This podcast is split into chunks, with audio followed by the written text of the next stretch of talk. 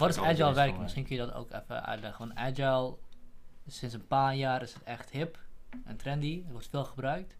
Wordt ook heel, heel vaak slecht gebruikt. Nou, agile is dus eigenlijk eh, niet meer dan een filosofie. Dus dat spreekt me er ook heel erg in aan. Ja. Heel veel mensen verwarren Scrum bijvoorbeeld, wat een agile methodologie is, ja? met agile, wat gewoon een filosofie is. Oké, dat is een goede, goed verschil. Want ik weet ook niet precies waar het verschil in zit. Nee, ja, agile is uiteindelijk... Ja, ik boil het altijd gewoon down tot het woord wat het is, namelijk wendbaar. Mhm. En het gaat erom, eh, ik denk dat eh, er is een agile manifest, daar eh, staan tien principes op, Mhm. volgens welke je een, ehm, ja, een project wil managen of een probleem zou moeten willen oplossen of een, eh, een product zou willen, eh, moeten willen ontwikkelen. Mhm. En nou, wat voor mij altijd de allerbelangrijkste principes zijn die ik daaruit heb gehaald, is, is bijvoorbeeld eh, het minimaliseren van waste. Van, van, ehm, ja, van wasteful practices. Ja. Dus bijvoorbeeld, als ik nu een planning maak voor de komende twee maanden, en zeker in de ICT, waarin ik al nu ga beslissen wat ik over anderhalve maand ga doen, Mhm. dan moet ik daarover nadenken. Dan moet ik, moet ik, eh, ja, dan moet ik met mensen over praten. Moet ik misschien al iets over opschrijven. Moet ik misschien al uitwerken. Weet ik veel wat allemaal. De kans dat ik dat niet ga doen is best wel groot. Mhm. Dus als ik over... En zeker als je in IT werkt, de kans dat de wereld er over anderhalve maand eigenlijk alweer een beetje anders uitziet, ja, is best wel groot. Dus dat betekent gewoon dat alle energie die ik nu stop in over anderhalve maand, is Mhm. wasted. Of heeft een high waste risk, zeg maar. High risk of waste. Ehm, en dat vind ik een enorm aantrekkelijk concept van... eh, ja, het idee is gewoon... Wat is nou de minimale waarde die we kunnen genereren op een zo kort mogelijke termijn? De minimale of de maximale? Nou ja, eigenlijk, wat is, ja, de- wat is het minimale waardevolle? Dus wat is het minimale we kunnen, wat we kunnen doen om een waardevol product eh, in de markt te zetten? Oké. MVP, Minimum Viable Product. Ba- Maar basically komt het ook neer op de maximale waarde met de minste inzet. Toch? Ja, maximale waarde met de minste inzet inderdaad. Maar ook gewoon heel erg je beperken tot... eh, waar hebben mensen nou echt behoefte aan? Mhm. Eh, het is heel erg van. ehm, ja, de, de vraag die, die je in agile teams voortdurend tegen elkaar stelt: van wat is de use case? Mhm. Wat is, je moet echt bewijzen van dit is iets wat mensen nodig hebben en anders gaan we het niet doen. En een use, dat kan heel breed zijn. Dus als je het per vers neemt, dan kan, een, dan kan eh, dat use case denken kan leiden tot we doen alleen iets wanneer de meerderheid van de mensen er iets mee wil. Mhm. Uh, maar dat hoeft helemaal niet. Iets kan ook een use case zijn op het moment dat er eigenlijk maar een heel select groepje is die iets nodig heeft, maar daar wel heel erg van afhankelijk is dat het, erin, dat het bijvoorbeeld in die software zit. Ja. Bijvoorbeeld bij bepaalde accessibility features is dat zo. Uh, mensen bijvoorbeeld die afhankelijk zijn van assistive technology om een stukje software te kunnen gebruiken, hebben soms uh, wat extra ondersteuning nodig die ingebouwd is in een softwareproduct, zodat screenreaders ook kunnen zien wat er op die pagina staat bijvoorbeeld. Mhm. Nou ja, de use case daarvan is, bijna, is redelijk afwezig voor de meerderheid van de mensen, maar er is een groep mensen voor, die compleet afhankelijk zijn van dat soort functionaliteit. Ja. Ja. Dus nou ja, goed. De, dus er is nog steeds heel veel speelruimte, maar je vraagt dus wel, je definieert gewoon wat jij een use case vindt. Dus je kunt bepaalde kaders stellen voor wat, is, wat, wat, wat heeft een use case. En dan vervolgens doe je alleen dingen die echt een duidelijk bewezen use case hebben. En die probeer je zo snel mogelijk, met zo min mogelijk moeite. Ja. Dat is wel grappig, want jij hebt natuurlijk vooral uh, ervaring gehad met Agile vanuit, vanuit ICT. Uh, ja. Ik heb er ook een beetje ervaring mee gehad van, van vorige banen, maar niet zo heel veel. En wat ik er vooral uit gehaald heb is, um, is het feit dat teams zelf bepalen hoe ze taken verrichten. Ja. Uh, die, die kortere tijdspannen inderdaad. Um, maar ook inderdaad dus dat je niet van hogerop opgelegd krijgt wat je moet doen. Maar dat de managers en dergelijke meer coaches worden om de taken die gedaan moeten worden voor de use cases tot volbrenging te laten komen. Maar ja. wat ik wel gezien heb is vaak dat agile een beetje verkapt ingezet wordt. Waarbij je eigenlijk denk ik denk het belangrijkste deel, het feit dat eh, eh, werknemers op de vloer zelf bepalen hoe ze een probleem oplossen en wat de prioriteiten zijn. Ja. Die twee vallen dan vaak snel weg. En de prioriteiten worden dan toch door het management bepaald. En, eh, en eh, dat, dat, dat, zie, dat, heb ik, dat is mijn ervaring geweest met Agile. Tenminste, wat ik gezien heb van Agile. Ja, En dan denk ik, is het niet common sense? Heel veel dingen wat ik wil, zeker. is het niet gewoon common sense om te luisteren naar je, naar je eh, zeg maar, wat geeft die Agile framework? Is het een framework of is het een filosofie? Eh, agile is, is, een, is een lijst principes uiteindelijk. Oké, Het is gewoon een filosofie. Ja, filosofie is een groot woord. Maar het is in ieder geval... eh, Sorry, het is een lijst principes. Het wordt gewoon gebruikt als richtlijn dus eigenlijk. Ja. Ja. Kijk, ik bedoel, een methodologie is een, een manier om dat tot uiting te brengen waarin met die principes rekening gehouden wordt. Maar oké. laten we het een filosofie noemen. Oké, laten we een filosofie noemen. En, wat is, en, en, en, en Scrum is dan een, dan een manier van Agile werken. Ja, En is dat ook de meest gebruikte? Of? nou ja, volgens mij wel. Maar ik heb daar dus heel veel op tegen, omdat... eh, nou, tenminste, ik heb niets tegen Scrum, maar ik heb heel veel tegen dat die twee dingen door elkaar worden gehaald. En dat eh, Scrum een doel op zich wordt. Terwijl het doel Mm. is natuurlijk Ja. om agile te werken. Ja, ja. Kijk, ik ben het eigenlijk heel erg met je eens als je zegt... eh, ja, ik denk dat je het iets meer inkadert op het moment dat je zegt inderdaad van... Agile is gewoon een manier ook om te zeggen... eh, we gaan dit probleem bottom-up oplossen en denken vanuit de mensen met wie we dat probleem gaan oplossen. In plaats Mhm. van dat we denken vanuit eh, een soort van designer, een soort top-down approach waarbij we eh, allerlei requirements vanuit één plek laten komen. En het voordeel is daarvan ook bijvoorbeeld dat, dat je ook je benadering naar de klant is meer bottom-up. Dus in Mhm. plaats van dat jij van tevoren eh, je hele ding uitspekt en verwacht dat een klant eigenlijk al weet wat hij wil. Ga ik iedere keer weer opnieuw kijken van, oké, we hebben nu dit. Wat is je volgende stap? Wat wil je nou? Wat, wat mis je hierin? En ook andere stakeholders erbij betrekken en dat soort dingen. Eh, maar ja, heel veel, bij Scrum is het gewoon zo van, eh, ja, oké, we hebben gewoon een projectmanagement methodiek. Hmm. Dus ehm, we hebben sprints die we vaststellen. Een sprint is een periode van nou, bijvoorbeeld een maand, een vastgestelde periode, waarbinnen we een bepaalde hoeveelheid werk gaan proberen eh, gedaan te krijgen. Mhm. Eh, van tevoren gaan we een sprintplanning doen, waarbij we nou, een beetje weten wat de prioriteiten van de klant zijn bijvoorbeeld, of van de interne klant. En dan gaan we bij de, verschillende, bij de dingen die we ons ten doel stellen, gaan we ons afvragen wat komt hier allemaal bij kijken. Dus we gaan het opsplitsen in losse issues. Mhm.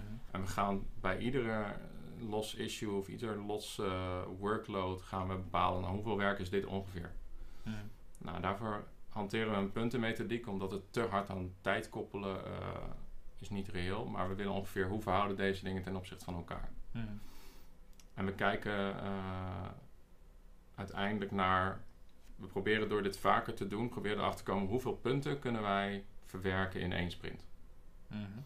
Nou, dan Dus je gaat in principe door, door een eh, trial and error ga je kijken wat jouw optimale punten hoeveelheid is binnen je sprint. ja, je probeert tot een productiviteitsoptimum te komen. Oké. Dat is eigenlijk waar, wat, wat Agile probeert. En wat, eh, waarom het voor de klant een fijne methode is, is en zeker als je dus klant eh, echt voor externe klanten werkt, is dit eigenlijk de enige Agile, of de eerste Agile methodiek die, die in je hoofd opkomt, is omdat je je commit je eigenlijk ook aan een bepaalde hoeveelheid werk. Je zegt van Mm. tevoren, oké, we gaan nu een sprint in, deze maand verwachten we zoveel werk af te leveren. En ja, er zit wat meer gewicht aan die inschatting. Je, je, stelt jezelf ook een soort deadline. Mhm. Want in feite, als je gewoon er met afstand naar kijkt, kun je eigenlijk zoiets niet zeggen. In een zekere zin, als je gewoon met elkaar hard, zo hard werkt en zo, zo efficiënt werkt als je, als je kan, bij wijze van spreken, dan is iets gewoon af wanneer het af is. Ja. Ehm, maar omdat eh, je iets moet kunnen communiceren, omdat een klant ook eh, op een gegeven moment behoefte heeft aan een bepaald product, omdat je, nou, er zijn allerlei redenen dat er ook een keer iets af moet Mhm. wil je daar iets meer garanties en safeguards in hebben. En daarom zijn dit soort systemen heel fijn. Maar als je in een interne eh, procedure zit, zoals wij, wij bepalen zelf wat we bouwen. Wij- Mhm. Wij zijn onze eigen klant. Ja, dan is dat eigenlijk heel inefficiënt, want dan ben je telkens nou, aan zo'n sprintplanning om echt gewoon precies in te schatten wat komt er allemaal bij kijken, alle unknowns eruit te halen, van tevoren precies te weten wat je gaat doen. Ben je gewoon twee dagen kwijt of zo, met, met een heel team, of een dag. Super twee intensief. dagen kwijt aan het plannen. Van Ja. je sprint van een maand. Ja, omdat je al die unknowns wil je eruit hebben. Wat zijn unknowns? Ja, eh, welke technische uitdagingen komen we tegen? Eh, welke, hoe zouden we het ongeveer gaan implementeren? Wat voor een architectuur is daarbij? Hebben we nog technical debt waar we rekening mee moeten houden? En ze zijn, eh, moet daar nog een design voor komen? Eh, moet dat design nog een paar keer op en neer? Of hoe werkt het precies? Je moet eigenlijk, je bent bijna, je bent bijna een soort van script aan het schrijven van, van hoe, je, hoe je cycle gaat, die, Mhm. daarna, die daarop volgt omdat je dus moet kunnen inschatten hoeveel werk het is. De enige manier waarop je goed kan inschatten hoeveel werk het is, is als je het van tevoren eh, helder hebt wat het werk is. Ja, en helemaal uitstippeld. Ja, het grote voordeel daarvan is natuurlijk dat je, als het goed is, doe je zoiets met een heel, met een heel team vaak. Dat je daarna als team precies weet wat je de komende maand gaat doen. Dus er zijn hele grote voordelen. Een soort van think before you act, zeg maar. Mhm. Dat is een duidelijk voordeel. Alleen waar wij in de praktijk bijvoorbeeld bij Innovation Factory ook heel erg tegenaan liepen, is ehm, dat over een week de requirements alweer anders kunnen zijn. Ja. Dus wij gingen van maandelijkse sprints naar drie wekelijkse sprints, naar twee wekelijkse sprints, naar wekelijkse sprints. En toen dachten we, waarom doen we niet gewoon een continu proces? Omdat het speelveld het zo snel veranderde. Ja, onze, op de een of andere manier veranderden onze requirements eigenlijk. Voor een deel is dat omdat eh, iedere week de software waar je in aan het bouwen bent weer veranderd wordt en beïnvloed wordt door datgene wat de afgelopen week eraan toegevoegd is en veranderd is.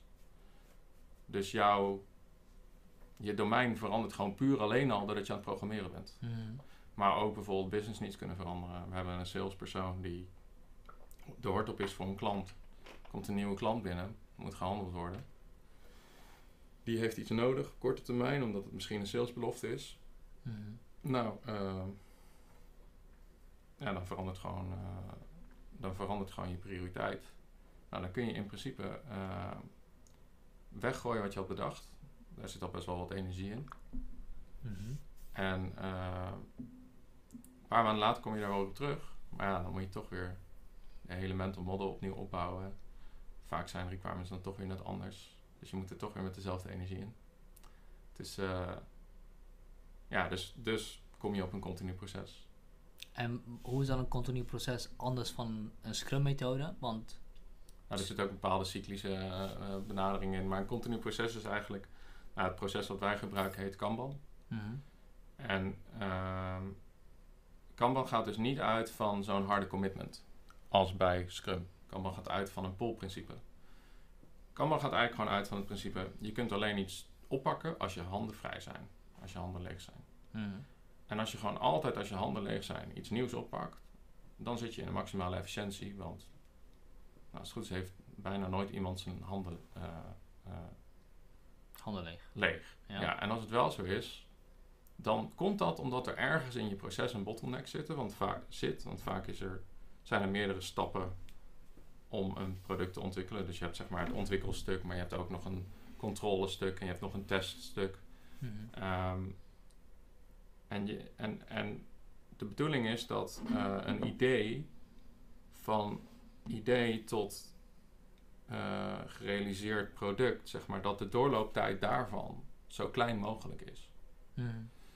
Eh, dus stel nou dat je met z'n allen heel veel gaat ontwikkelen, maar eh, eh, nog niet aan het code review, dan heb je straks een heleboel dingen die nog eh, gecontroleerd moeten worden en getest moeten worden. Die nog ergens hangen, waar misschien nog iets mee moet, waar misschien nog iets aan terug moet, terug moet naar development, zodat er nog iets aan doorontwikkeld moet worden, weet ik veel. Ja, dat wil je voorkomen. Dus je zet in Kanban zet je op iedere fase in je proces zet je een work in progress limiet. Dus je zegt er kunnen tegelijkertijd in een team van zes man vijf eh, issues in development zitten en drie issues in code review en eh, twee of drie issues in acceptance. En pas op het moment dat het opgepakt wordt in een nieuwe fase, is het weg uit de vorige. Dus en op die manier krijg je een soort van doorgeefsysteem, waarbij je gewoon, je pakt iets op, je zet het klaar voor de volgende, maar het is nog niet weg bij je totdat iemand anders het weer oppakt. Dus het kan ook voor jou dan ook een eh, incentive zijn om te zorgen dat het opgepakt wordt. Ja, denk, maar, denk maar aan die ketting van mensen die emmertjes doorgeven eh, die Ja. een brand willen blussen. Ik kan jou de volgende emmer pas doorgeven als jij je handen weer vrij hebt Mhm. en je emmer van me aanpakt. En ik kan de volgende emmer pas weer pakken Ja. op het moment na enzovoort. En is Kanban ook een vorm van agile? Ja, dat is ook, ook een agile methodologie. Oké. Want dit, dit is een. Het klinkt in ieder geval een als een veel legere methodologie. En veel simpeler. Veel simpeler. En ik denk ook makkelijker om te doen. Alleen je kan minder goed organiseren. Ja, dus er zit, eh, kijk, uiteraard heb je nog steeds. eh, dit proces heeft iets, min, houdt iets minder rekening met planning. Heeft Mhm. iets minder goed in het doen van garanties van wanneer iets af is. Ehm, je oefent als ontwikkelaar iets minder met het inschatten van hoeveel werk iets is. Hmm. Maar tegelijkertijd, wat je ervoor terugkrijgt, is dat je gewoon eh, ook als team veel meer in een flow kunt komen. Ja.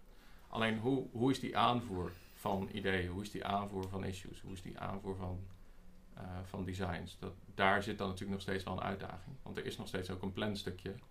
Alleen in een Kanban-proces is dat dus... Er is altijd een lijst. En het enige wat een product owner hoeft te doen... of iemand die het product beheert Mhm. is zorgen dat de lijst van to-do's, zeg maar, of de lijst van ontwikkeltaken op de juiste volgorde staat. Van prioriteit dus. Ja, van prioriteit. En als dat zo is, dan loopt dat gewoon door. En als het goed is, komt dan, eh, als jij wil dat dit als eerste wordt opgelost, wordt dat als eerste opgelost. En dat is dus eh, op die manier, in die zin eigenlijk net zo goed te managen. Alleen het hangt een beetje vanaf, want als jij een klantrelatie hebt, dan wil je misschien extra garanties doen. Nou, ja, dan gaan sprints toch weer Mhm. handig zijn soms. Zo'n Kanban klinkt echt als een ideale oplossing voor gewoon een, een klein team van mensen die toch al hard aan het werk zijn en die gewoon structuur nodig hebben. Een klein beetje structuur no- nodig hebben in wat ze aan het doen zijn. Het klinkt echt als eh, de perfecte oplossing voor. eh, ik ben ook met een start-up bezig. Ik ben, ik ben trouwens langs geweest. Ja. En daar proberen we ook wat meer organisatie erin te krijgen. Ja. Ik zat eerst te denken aan een, eh, gewoon een project management tool zoals Asana en dergelijke, zodat iedereen inzicht in elkaars dingen heeft. Ja. Maar zo'n Kanban-bord kun je echt super simpel maken door gewoon een groot bord neer te zetten, post-its te plakken en gewoon te zorgen dat mensen post-its oppakken en op het volgende stukje plakken als ze ermee klaar zijn. Ja, er werkt niks lekkerder dan dat, wat jij nu beschrijft. Kijk, wij doen dit online. Dat gaat, ik, ik heb het ook offline gedaan, wat jij nou beschrijft. Ja? Of online gaat gewoon niet in de buurt komen. En de reden is omdat deze manier van werken met zo'n fysiek bord en Ja. gewoon de briefjes en gewoon waarin iedereen ook kan zien eh, waar iedereen mee bezig is en waar iedereen is, Mhm. eh, is gewoon de, de hoogste garantie op flow. Omdat flow is de staat van zijn waar je in komt wanneer je, eh, wanneer je, wanneer er, wanneer je met elkaar het gevoel krijgt dat er iets lukt. Ja. En dat gevoel krijg je alleen als de uitdaging niet te makkelijk is, maar ook Mhm. niet te moeilijk is. Mhm. En zo'n Kanban-bord helpt daar enorm bij, want als je gewoon die briefjes fysiek ziet reizen van Mhm. zeg maar, ik heb situaties mee gehad met zo'n fysiek bord. Dat we gewoon met als team bij dat bord stonden 's ochtends. En dat we de volgende ochtend weer bij dat bord stonden. En dat issues, briefjes die de dag daarvoor nog niet op het bord hadden gehangen, Mhm. de dag daarna al afgerond waren. Vet. Ja, heel vet. Dat gevoel als team, ja, er is weinig waar je productiever van wordt dan dat gevoel. Van, Ja. van dat het lekker gaat, dat, Ja. het, dat het doorloopt. Waar ik dan wel nog mee zit, is ehm, op zo'n online tool zoals Asana bijvoorbeeld, kun je supergoed aangeven wat het is dat er gedaan moet worden. Ja. Eh, en je kan daar alle bijlagen of eh, eh, whatever aan resources je nodig hebt om die taak goed uit te voeren op één plek verzamelen. Ja. Op een post-it, dan kun je dat niet doen. Heb je geen tijd, heb je geen plek voor. Nee, ja, wat wij vaak deden was de post-its hebben referenties naar issues in zo'n projectmanagement tool. En op het moment Mhm. dat je projectmanagement cycle gesloten is, dus alleen intern is aan je team. Mhm. Dus je hebt niet bijvoorbeeld nog externe contributies die jouw proces kunnen komen verstoren, wat wij dus de hele tijd hebben. Ja. Dan kun je dat prima doen. Want dan heb je de garantie dat wat op het bord is, dat dat ook alles is. En dat Mhm. refereert dan weer naar issues op Asana bijvoorbeeld. Ah ja, oké. En eh, degene die context heeft op dat issue kan ook vertellen waar het briefje over gaat. Mm. Dus je gebruikt dan zo'n ka- kanbanbord, fysiek kanbanbord, eh, in combinatie met een online tool. Ja, echt als een cultureel, culturele embedding van zo'n proces. Als een fysieke embedding, als een, als een soort van veruitwendiging van eh, dat proces wat je eigenlijk in abstractie al hebt eh, Ja. online. Denk je dat je filosofieopleiding geholpen heeft bij zulke dingen? Wat je nu... Ja, sowieso, maar omdat je, ja, ik bedoel, alles is al. Ja, alles is per definitie interessant ook vanuit een uitgezocht perspectief, zeg maar. Om te beginnen als ontwikkelaar, want daar hebben we het eigenlijk uiteindelijk niet over gehad, maar kijk, als filosoof ben je natuurlijk altijd bezig, in zekere zin, om een abstract model van een, werk, een werkelijkheid te maken. En dat is precies wat je doet als ontwikkelaar. Tenminste, in ieder geval als, meer als software-architect. Als filosoof ben je bezig met een abstract model te maken van de werkelijkheid. Dus je bent toch altijd op de een of andere manier aan het modelleren. Moet je even iets meer uitleggen. Volgens mij hebben we het hier wel eens een keertje over gehad. Ja. Maar Nou, ik zal Ik beginnen om het eens uit te leggen wat je doet als programmeur. En dan, dan Ja. ben ik benieuwd of jij dat kan vertalen naar een filosofische activiteit. oké. Maar bijvoorbeeld, eh, stel je Facebook voor. Mhm. Als programmeur die dat maakt, moet je nadenken over welke, welke zaken heb ik in mijn... Wat, wat, wat is Facebook? Ja, oké, dan zeg je Facebook is een sociaal netwerk. Oké, wel, wat maakt Facebook mogelijk? Nou, dan zeg je nou, Facebook maakt interactie tussen mensen mogelijk en eh, manieren mogelijk om op de een of andere manier wat je, wat je meemaakt te delen met, met, met de mensen met wie je een netwerk vormt. Nou, zoiets. Mhm. Eh, welke concepten spelen daarin een rol? Nou, bijvoorbeeld een gebruiker. Ja. Een gebruiker is dus gewoon een soort van abstract model in het domein Facebook, in het Mhm. domein sociaal netwerk, wat niet kan ontbreken. Dus dat Mhm. is een ding. En dat ding heeft bepaalde attributen. Bijvoorbeeld, en dan in puur in programmeertechnische zin, het heeft bijvoorbeeld een naam of het heeft eh, een geboortedatum. Mhm. Eh, dus je modelleert het concept gebruiker. En van dat model in een objectgeoriënteerd domein kun je dan vervolgens een heleboel instanties maken. Dus wanneer ik inlog op Facebook, wordt er, nou ik weet niet of het zo werkt, maar eh, zou het dus zo kunnen werken dat er een, op dat moment een instantie van het model gebruiker wordt gemaakt, die eh, eh, ja, voor mij die namens mij, zeg maar, in het abstracte domein van het programma Mhm. interacteert met andere ehm, entiteiten die daar zijn. Mhm. Zoals bijvoorbeeld een timeline. Ja. Zoals bijvoorbeeld berichten. Zoals bijvoorbeeld ehm, eh, likes en eh, eh, emoji reactions en dat Mhm. soort dingen. Mhm. En al die dingen zijn, zijn aanwezig in dat domein. En Ja. al die dingen die zijn gemodelleerd. Voordat je aan een Facebook-platform kan beginnen en die kan bouwen, moet je dit model in je hoofd eigenlijk al klaar. Of in ieder geval, je, dat model moet er zijn. Dat is eigenlijk wat je zegt. Ja. Oké. Als programmeur heb je dat. Mhm. Dus als programmeur heb je gewoon een, bepaald, een bepaalde eh, representatie van dat domein, wat misschien voor een deel ook nog niet helder is voor je, wat het nou precies is, Mhm. in je hoofd. Je moet ergens beginnen. Mhm. Dus wat je in ieder geval, ik denk dat toen Facebook werd gemaakt, wat Mark Zuckerberg zeker wist, is dat hij een user had. Mhm. Dus ik bedoel, de user is in de meeste applicaties is een soort van no-brainer Mhm. entiteit in je domein, zeg maar. Dat is, eh, die, die is er bijna altijd. Omdat bijna altijd is het een gebruiker die interacteert met Mhm. een platform. Ja. En soms ook nog weer presence heeft daar binnen. In, kan, eh, kan interacteren ook weer met andere entiteiten in het platform. Bijvoorbeeld een bot. Dat kan ook. Misschien is een bot wel een specifiek soort user. Nou ja, Ik zie nog steeds niet hoe dit, eh, hoe dit parallel loopt aan wat, wat de filosoof zou doen. nee. Ehm, want nu geef je aan inderdaad, voor als, als, programmeur, als programmeur maak je eerst een model, een mentaal model of een model Ja. eh, opgeschreven of whatever, voordat je begint te bouwen. En de filosoof zou dan op dezelfde manier een model in zijn hoofd bouwen van de wereld, dat denk ik. voordat hij het gaat opschrijven.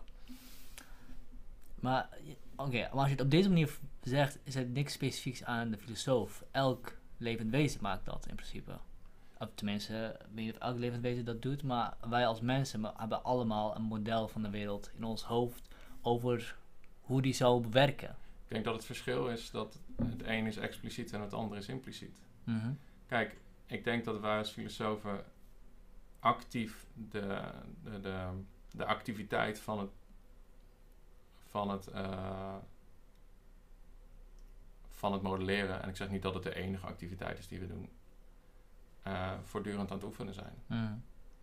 Althans, zo, zo ervaar ik dat. En ik heb ook het idee bijvoorbeeld, ja, je noemt het net bedenken, maar ik heb het idee dat je er ook een wat meer platoonse benadering aan zou kunnen geven en kan, zou kunnen zeggen, ik ben het eigenlijk aan het ontdekken. Mhm. En dat is ook heel veel programmeurs die ik spreek, en zeker de, de beter eigenlijk, eh, tenminste die ik beter vind, die hebben allemaal die ervaring van, hé, hey, maar ik ontdek wat het domein is waar wij een toepassing voor maken.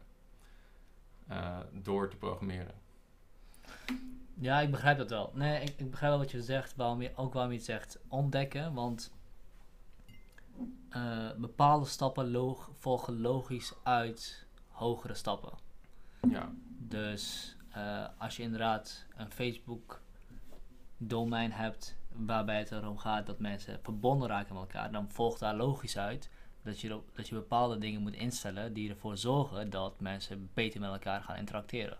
Zoals een comment line, zoals een like. Dus ik begrijp heel goed hoe dat voelt, of misschien moet ik niet zeggen voelt, maar hoe dat ook in ontdekken is. Want mhm. binnen dat idee van Facebook als sociaal platform ligt in principe besloten dat, dat er dingen zoals likes en comments Mhm. in moet zitten. Of in ieder geval dingen die dat, eh, eh, hoe noem je dat? Ja, Eh, bevorderen. ja, Ehm, maar die de specifieke vorm waar, waarin ze zich uiten, dat kan nog altijd contingent zijn. Want de like button is een duimpje, maar waarom is het geen sterretje? ja, maar er is ook nog weer een verschil tussen ehm, de abstracte representatie ervan in code Mhm. en hoe dat dan tot uitdrukking komt in een ontwerp. Ja, zeker. En die code is al een stuk abstracter, moet ik zeggen, dan. En die is natuurlijk ook wel heel constitutief voor de mogelijke ontwerpen. Die, die, eh, maar heel vaak is het ook weer dienend aan het ontwerp. Dus Ja. Het is, maar het is ook in voortdurende. Nou ja, die dingen zijn ook in voortdurende dialectiek met elkaar, voor mijn gevoel. Alleen ik denk dus dat je als filosoof heel vaak toch soortgelijke dingen doet. Je, ik bedoel, heel ik bedoel, ik neem aan dat. Ja, als filosoof heb je toch ook heel vaak te maken met primitieven. Ik bedoel, als ik nadenk over politieke wijsbegeerte die ik heb gehad. Er wordt ergens toch iets ge- geponeerd of zo van... Oké, eh, ik heb heel diep nagedacht over wat is politiek. Mhm. En vervolgens, of wat is democratie of zo. Mhm. En vervolgens zeg ik... ehm, het is allemaal wat weggezakt, maar bijvoorbeeld... eh, eh, Ja. Alles draait om een algemene wil.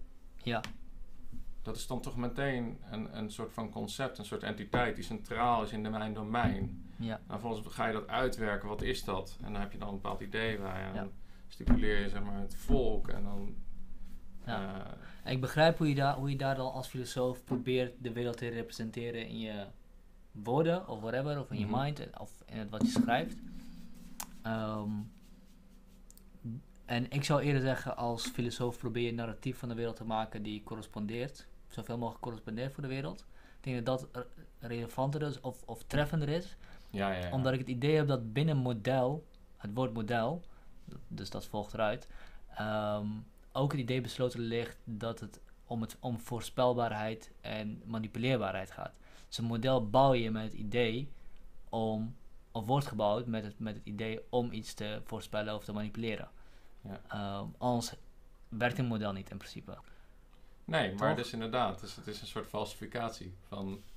Ik probeer in- inderdaad een model... Heeft een, eh, heeft een succesfactor. Ja, Ja. en, en, en filosofie, maar filosofie zou ik ook zeggen, de mate waarin een filosofie in staat is om een werkelijkheid te beschrijven, mhm. is ook een soort succesfactor. ja, maar hoe... eh, ehm, Je zou ook een autologische benadering van, van een programma, een computerprogramma kunnen geven. Van, en en, en het, de succesfactor van een computerprogramma ook op die manier kunnen uitleggen. En ook de mate waarin een computerprogramma tot de verbeelding spreekt of eh, aansluit op de ervaring van mensen mhm. op zo'n manier kunnen uitleggen. Mhm. Ehm, ja, eh, tuurlijk, je kan die dan, dat narratieve kun je loslaten ook op programma's. Alleen een, eh, een software of een model, laten we een model houden, Ja, is eh, kwantificeerbaar aan te duiden als succesvol of niet. ja, Ik kan een model erna zeg- nazetten en als die één keer beter voorspelt of eh, manipuleert, dan is het een beter model dan wat ik daarvoor had. Maar hoe ga ik in godsnaam eh, beoordelen of, of Kant of, of Locke beter voorspellende modellen hadden, hadden gemaakt? ja, als voorspellen het doel is, dan ben ik het helemaal met je eens. Alleen denk ik dat een programmeur schept een werkelijkheid. Mhm. En eh, kijk, ik bedoel, een programma kan als doel hebben dat hij iets moet kunnen voorspellen. Dus een programma, je kunt iets modelleren wat iets zou moeten modelleren. Mhm. Alleen, eh, Misschien ben ik het woord model hier verkeerd aan het gebruiken, Ja. want je, je gaat nu weer over een programma ja, en een programma modelleren. Misschien, misschien zie, ik het, zie ik het verkeerd, want ik, ik zie een model wel echt als, als het woord model. Ik weet niet hoe, de, hoe het werkwoord daarin terugkomt. nee, ik snap wat je bedoelt. Eh, ja, dat is inderdaad. Goed, het zuiver gebruik van termen is, is de laatste jaren wat minder van me gevraagd. Dus eh, vergeef me mijn, Dat is niet erg. mijn mix-up van jargon. Ehm, ja, nee, ik denk dat. Waar ik net zat, is dat je, dat je wanneer je een. Je schept een Je schept een werkelijkheid. werkelijkheid, ja. Eh, daarin on- ontdek je voor een deel als programmeer in mijn gevoel ook wat die werkelijkheid is. Die is niet volledig contingent, want je, je hebt vaak een doel wat je wil bereiken. Het is Mhm. een toepassing. Dus en daarom heb- begin ik over het programma. Van de, wat, voor soort, wat voor soort werkelijkheid schep je? Nou ja, de werkelijkheid van een computerprogramma. Eh, maar een computerprogramma, ja, interfaced altijd met, met gebruikers. Mhm. En eh, ja, da- daar is toch sprake van een soort van taal. ik bedoel, ja, waarmee interface je dan, zeg maar? Dus ik, als ik gewoon puur met nulletjes en eentjes zou interfacen, dan zou het nergens meer op slaan. Maar op de een of andere manier doet zo'n computerprogramma een beroep op mijn abstractie of zo. En ik snap kennelijk op de een of andere manier dat ik een gebruiker ben. En ik snap kennelijk op de een of andere manier dat ik eh, dat ik een berichtje achterlaat op het prikbord van een andere gebruiker. Mhm. Maar die dingen zijn allemaal niet. Ja, Die bestaan alleen in ons hoofd. Ja.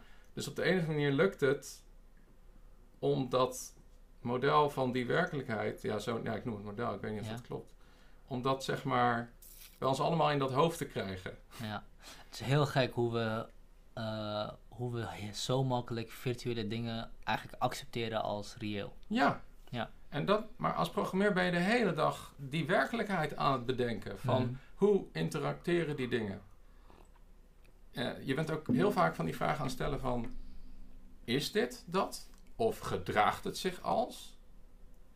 Eh, hoe bedoel je dat? Weet wel? Nou, dit, in, dit, is- dat zijn vragen die voortkomen uit hoe objectgeoriënteerd programmeren werkt. Als je een obje- object definieert, eh, dan geef je zo'n object geef je een bepaalde interface. En aan die interface van het object, of, de,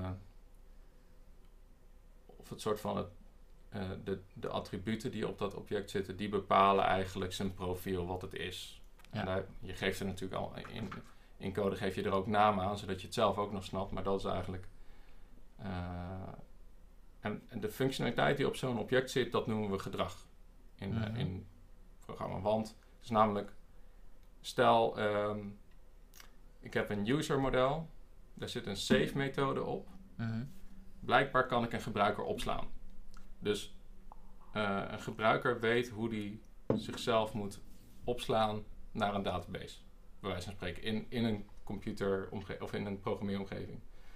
Nu is de vraag van dat een gebruiker weet hoe die zichzelf moet opslaan in een database in mijn programmeeromgeving. Is dat eigen aan die gebruiker? Mhm.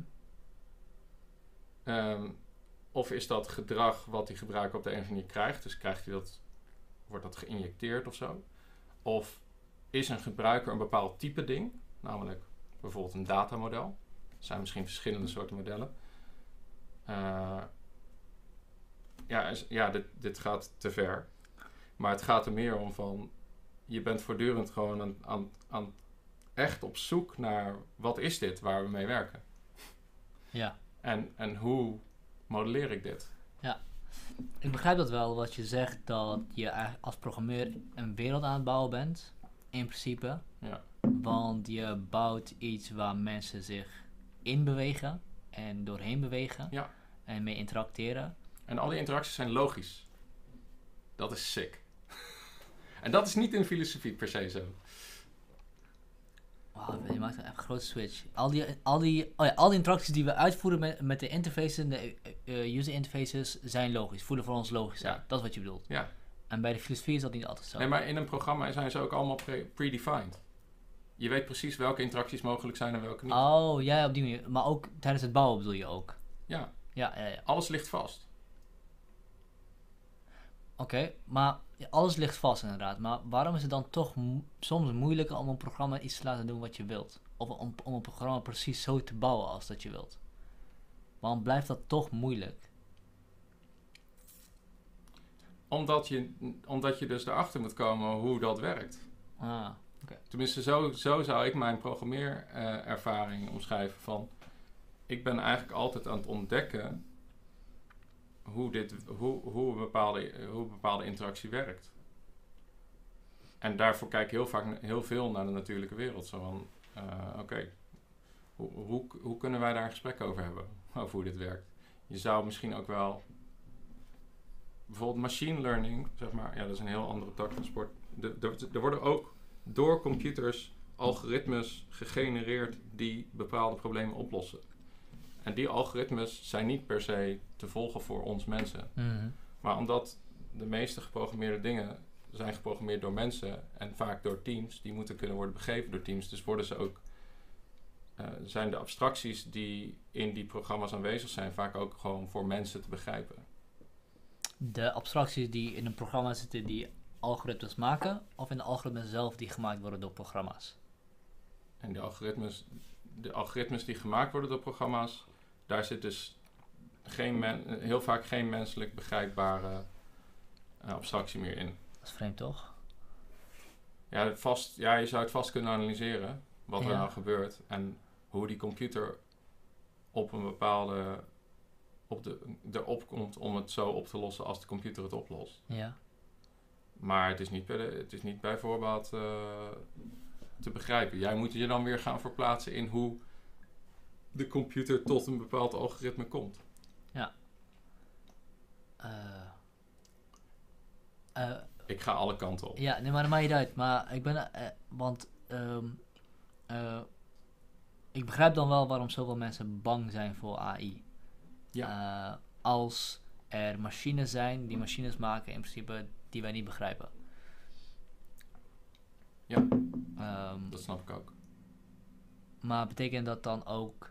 Maar die algoritmes maken, worden wel, die worden wel gemaakt met een predefined set van instructies. Of met een predefined goal. Of Ja, dat wel. precies? Nou ja, maar dat is vaak al wat vaag. Oké. Dus eh, zover ik begrijp hoe machine learning werkt, is het zo dat je een, nou ja, wat ze dan noemen, een neuraal netwerk traint om een bepaald resultaat te bereiken. Mhm.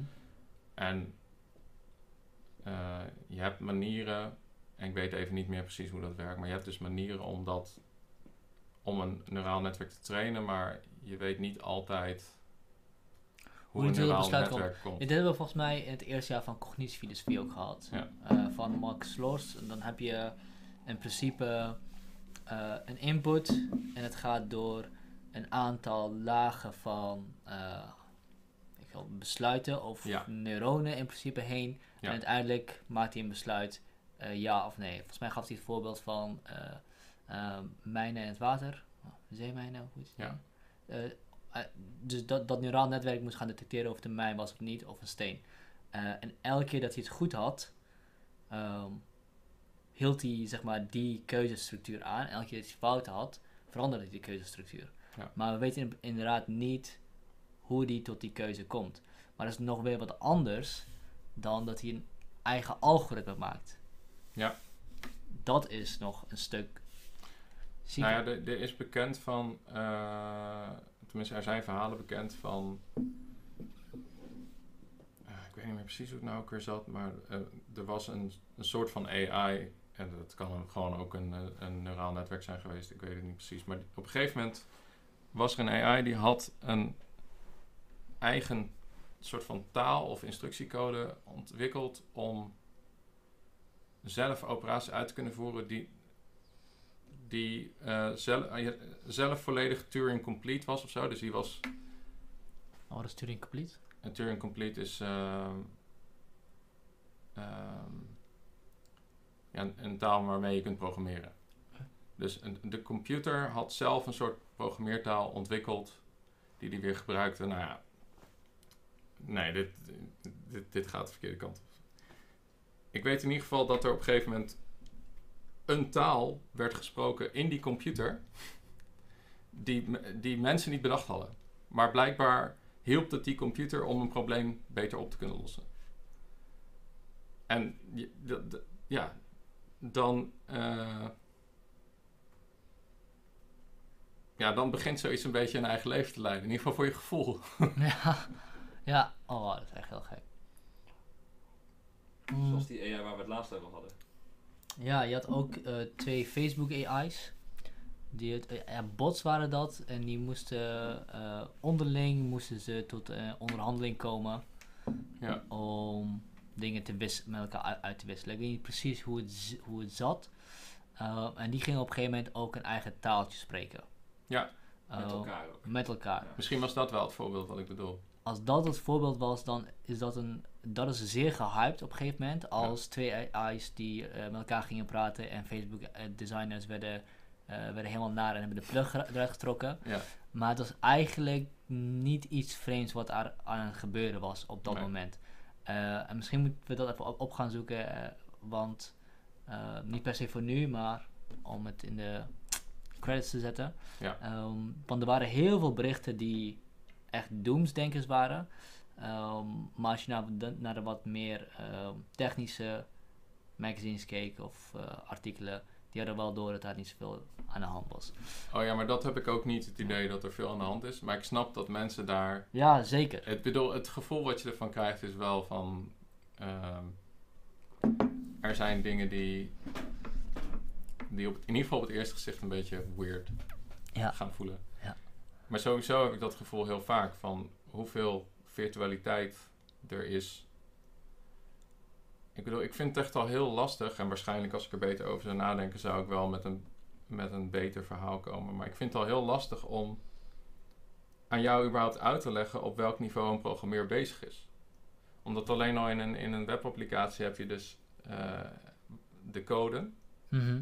wat een soort van beschrijving is van eh, hoe het programma moet werken. Dan heb je het programma wat zeg maar actief werkt, waarin dus ook nog weer allerlei entiteiten zijn die niet per se in je code bestaan. Mhm. Eh, dan heb je nog weer hoe, hoe dat naar een eindgebruiker dan interface, vaak via een grafische user interface. Mhm. Er zit dan een heel design stuk in, Mhm. die ook weer die concepten soort van vertaalt naar een menselijke eh, ervaring. Want ik ga niet interacteren over het algemeen met een, met een eh, met code. Dus hoe doe ik dat via een grafische user interface? Er zijn daar al alleen al in dat stukje al zoveel lagen. Dat zegt, er is voor mijn gevoel, en dat, dat maakt soms wel, eh, dat maakt die discussies wel, of tenminste de gesprekken erover, vind ik Ja. soms wel lastig. Omdat ik Ja. eigenlijk mis ik jargon. Ik mis gewoon Ja. goede manier om over die verschillende lagen te kunnen praten. Ja, dat snap ik. Want eh, je moet heel veel dingen vertalen naar normale taal, voor mij, zodat ik het begrijp. Ja. Maar sommige dingen zijn gewoon niet te vertalen. ja, misschien wel, maar missen we de taal daar nog voor? Dat zou best kunnen. Oké. Ik denk niet dat het nou zo ingewikkeld is of zo. Helemaal niet. Uh, maar ik, ik, merk wel dat ik dat al lastig vind, alleen al in dit gesprek. En ook als we het dan over die AI-dingen hebben, dat ik denk van ja. Er gebeuren op verschillende niveaus gebeuren er dingen. Dat is allemaal niet zo heel spannend, alleen je moet snappen uh, ja, hoe dat werkt. Hoe dat werkt inderdaad. Het, dan komen we eigenlijk bij nog een ander probleem. En dat is het feit dat blijkbaar wordt de ontwikkeling van uh, software en daarmee ook het grootste deel van de wereld waarin we leven, want het wordt steeds meer digitaal, ja. um, gedaan op zo'n niveau dat het heel moeilijk te vertalen is naar een gewone persoon. En nu weet ik wel iets van computers, dus ja. als je mij het een en ander uitlegt, zal ik het veel sneller snappen dan iemand anders. Ja. Gedaan door mensen en er worden beslissingen genomen die waarschijnlijk zelfs niet uit te leggen zijn of niet begrijpbaar zijn voor de gewone persoon die daar het meeste last van heeft. Ja, voor zover er last. Of uh, last van is zo'n last, verkeerde woord, uh, uh, daardoor beïnvloed wordt. Ja. Oh ja, maar dat beïnvloeden is wel, dat herken ik heel erg meteen. Van hoeveel, hoe ongelooflijk veel beïnvloed wordt door, door computerprogramma's. Mm -hmm. ja, dat, dat uh, beaam ik meteen. Ja. Um, want jullie zijn ook een eigen wereld aan het bouwen bij Joost. Ja. Um, vertel eens een klein beetje over wat jullie doen bij Joost. Uh, ja. Want dat, dat is wel ook wel heel interessant. Ja, nou, dus wij. Uh, onze, onze missie van Joost BV is SEO for everyone. Mhm. Mm -hmm. SEO staat voor Search Engine Optimization. Mm -hmm. Wat betekent zoekmachine optimalisatie. Wat betekent, ik wil graag dat mijn website gevonden kan worden op Google. Mm -hmm. Dus bijvoorbeeld, stel ik heb een website over uh, uh, waarop ik schaatsen verkoop. Uh, dan wil ik graag dat wanneer mensen op Google zoeken op schaatsen kopen, dat ze mij vinden. Ja. Dat is eigenlijk gewoon de hele banale marketinggedachte.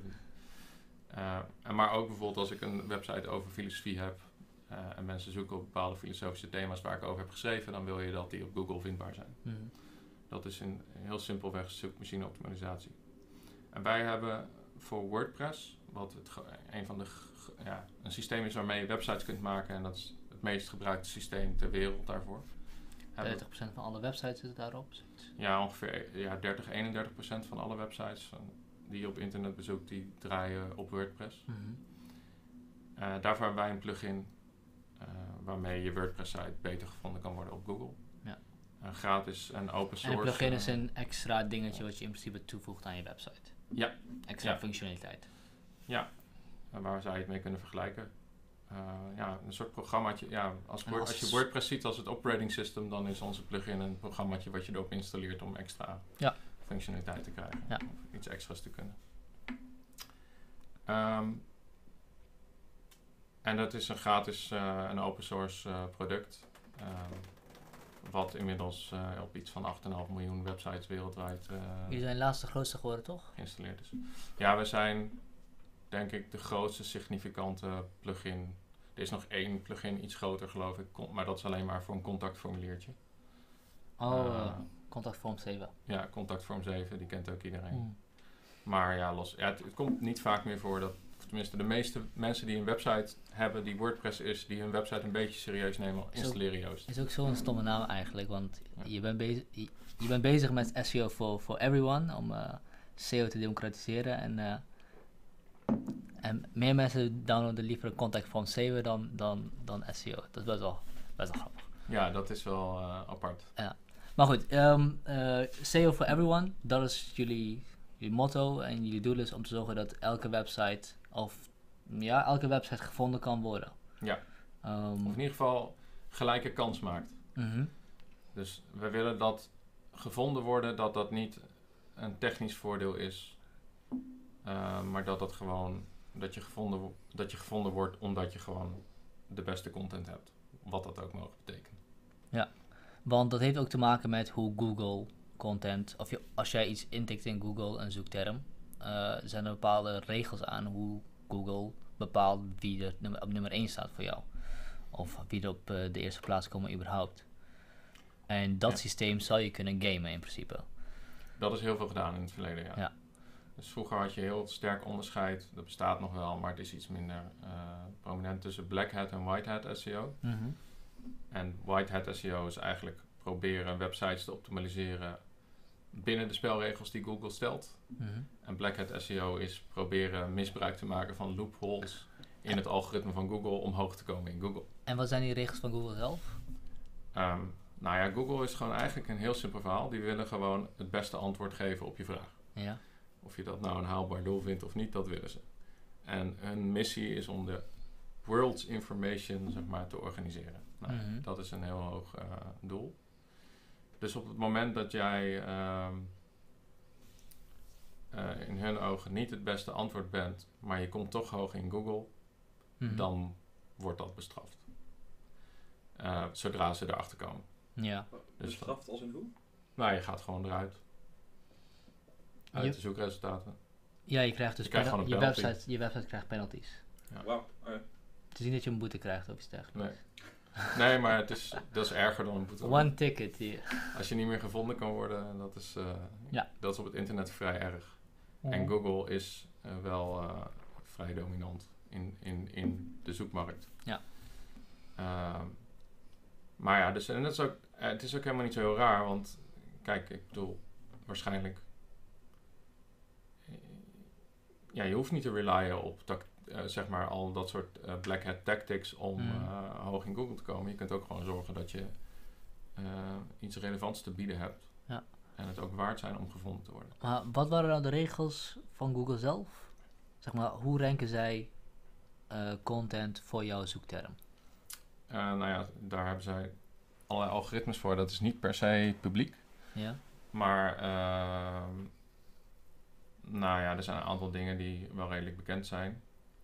Ze proberen te meten wat de inhoud is van je website. Mhm. Ze proberen te meten bij een zoekopdracht wat de search intent is van degene die zoekt. Mhm. Dan zijn er een heleboel artikelen die in of tenminste een heleboel webpagina's die in aanmerking komen om, om, ja, om een resultaat te zijn op die zoekterm of de search intent van de zoeker. Mhm.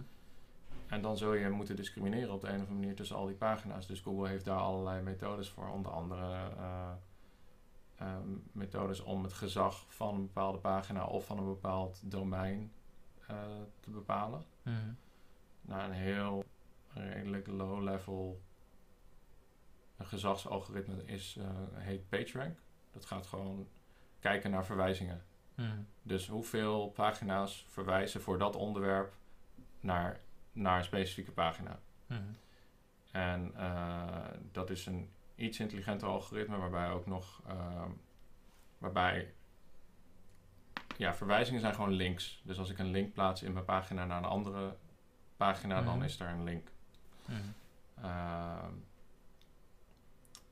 dus ja, een manier om, om die. ik kan dan vervolgens die verwijzingenboom kan ik maken en dan kan ik vervolgens zien van oké, nou er wordt naar dit artikel voor dit onderwerp heel vaak verwezen. Maar ook nog door gezaghebbende bronnen die op basis van een soort gelijk algoritme als gezaghebbend worden aangemerkt. Mhm. Dus en dan is sommige, sommige links zijn iets meer waard dan andere links. Eh, maar je kunt je een beetje voorstellen over hoe, dit, hoe ze proberen Ja. om, eh, om eh, authority toe te kennen aan webpagina's voor een specifieke zoekterm. Ja.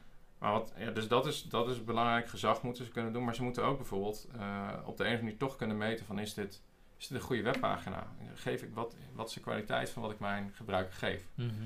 Dus bijvoorbeeld Google kijkt ook naar de leesbaarheid van je tekst. Mhm. Uh, Google kijkt ook naar de structuur van je tekst. Uh, voor zover ze dat kunnen. In sommige talen kunnen ze dat beter dan in andere talen. Mhm. Ze kijken ook naar, um, is deze site mobielvriendelijk? Is de ervaring die ik ga krijgen goed? Ze kijken ook naar uh, interactie met die pagina. Als je bijvoorbeeld van de zoekresultaten naar die pagina gaat en je bent meteen weer terug, dan was het waarschijnlijk niet het antwoord op je vraag. Mhm. Uh, nou, dus er zijn talloze verschillende kleine ranking signals. Waar, op basis waarvan Google probeert te bepalen uh, of jouw webpagina, jouw informatie, uh, het, het, het, het, geschikte antwoord is op Ja. de vraag die, die de gebruiker stelt. Ja.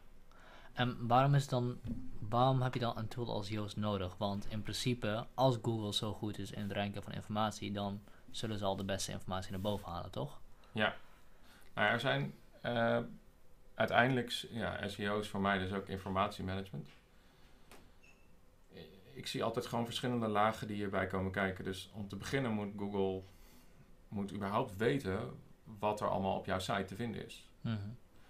Eh, en om dat te kunnen, moeten ze, ja, hoe komen ze erachter? Nou ja, het default mechanisme wat Google doet, is gewoon alle links volgen die er zijn op het internet. Mhm. En kijken of die leiden naar pagina's. Eh, want Google indexeert dus het hele web. Google crawlt. Google gaat gewoon met zijn bot bij alle pagina's op het web langs. Mhm. Zo, zoveel ze kunnen. Eh, nou, er zijn manieren waarop je dat heel efficiënt kunt maken. Want Google kan niet oneindig veel crawlen. Eh, en er zijn ook manieren waarop je het heel inefficiënt kan maken. En bijvoorbeeld, stel nou, Google eh, gaat jouw zoekfunctie in van je website Mhm. en vult daar een term in. Mhm. Die leidt weer tot een nieuwe zoekopdracht, bij wijze van spreken. Dan kan Google ook in een soort van loopje komen, waarbij telkens op nieuwe zoekpagina's die, die, die bot komt. Nou ja, er- zijn wat ik ermee wil zeggen is, er zijn technisch heel veel dingen die mis kunnen gaan alleen al voor Google om erachter te komen wat je hebt. Oké. En daarvoor Ja. moet je technische maatregelen nemen. Zorgen dat, eh, dat je een lijst hebt van alle URL's op je site. Eh, zorgen dat, ehm, eh, dat die dingen goed gelinkt zijn. Zorgen dat de dingen die jij graag in de index wil hebben, dat die ook geïndexeerd kunnen worden. En dingen die jij misschien niet in de index van Google wil hebben, dat je daarvan ook, dat je die ook uitsluit van crawling. Dat soort dingen. Vervolgens moet Google weten, wat staat er op die pagina? Waar gaat deze pagina over? Dus ik heb in eerste instantie überhaupt welke pagina's zijn er. Mhm. En dan vervolgens, ja, wat staat erop? Nou, als, gewoon baseline kan ik gewoon die pagina binnenhalen en de, de, ja, de, de content die op die pagina staat proberen te, te, te hoe noem dat? parsen. Mhm. Maar er zijn een heleboel manieren om die content nog extra te rubriceren onder water. Dus je kunt zeggen van nou de titel van deze pagina geef ik onder water aan is zo. De, de- ik heb een beschrijving voor deze pagina. Eh, ik heb Wat bedoel je met onder water? eh, onder water. Ik bedoel ik mee dat de pagina bestaat eigenlijk uit een zichtbaar deel. Ja. Wat zichtbaar is voor alle, iedereen die met zijn webbrowser browst op het internet. Mhm. En een onzichtbaar deel. Dus boven. Oh ja, oké. Ja. de- uiteindelijk is iedere pagina is een code is, is een HTML eh, representatie van informatie. Mhm. Die wordt gerenderd door een browser. Maar er staat nog veel meer informatie vaak boven en onder. Mhm. dan wat jij in de browser kan zien. En op die manier zijn, en er zijn allerlei verschillende metadata standaarden waarmee je extra metadata over die pagina eh, nog kunt tonen onder water. Dus jullie tool helpt in principe eh, eh, webpagina's beter aan te passen aan de manier waarop Google informatie kan verzamelen. Ja. En daardoor haal je het stukje technische vernuft in principe weg Ja. en blijft de kwaliteit van de content over. Ja, daar hebben we ook tools voor. Om die ook te verbeteren. Ja. Ah, oké. Dus we hebben twee, ja, er zijn eigenlijk twee dingen van Google moet op content moeten kijken van gaat het eigenlijk over waar het over, ja, ik heb een, bepaald, een bepaalde term, terminologie een bepaald onderwerp. Eh, ik wil graag eh, een, eh, een, een post schrijven over eh zoekmachine optimalisatie. Nou ja, blijkt ook uit de hoofdgedachte van mijn tekst en blijkt ook uit waar ik over schrijf dat die tekst daarover gaat. Dus we hebben keyword optimalisatie of key phrase optimization tool Mhm. die jou gewoon helpt om een, bepaald zoek, een bepaalde zoekterm en synoniemen van die zoekterm en verschillende eh, variaties van die zoekterm eh, te gebruiken door je tekst heen. Mhm. Omdat, en ook op belangrijke sleutelpunten, bijvoorbeeld in de titel. Als in de titel niet jouw zoek, eh, zoekterm staat, ja, dan, dan kun je daar moeilijk op gevonden worden. Want ik neem aan dat die tekst daarover gaat. Nou, als in de eerste paragraaf van je tekst niet een bepaalde zoekterm staat, of in ieder geval een variant erop, ehm, dan is de kans dat die tekst daarover gaat een stuk kleiner.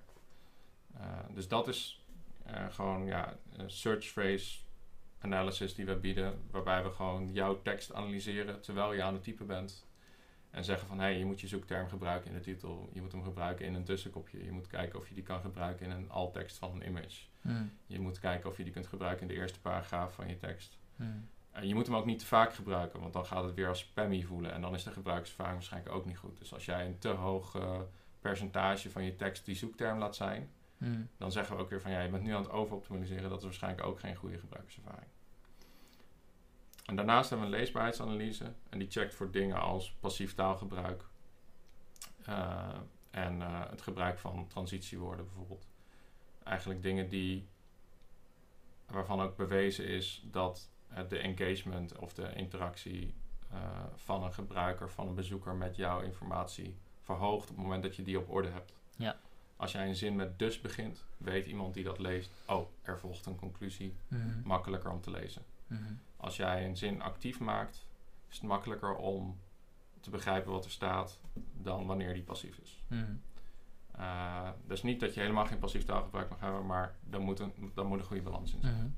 Nou, daarmee helpen wij. Dus de, die tool die helpt jou om je tekst te optimaliseren eigenlijk. Ja.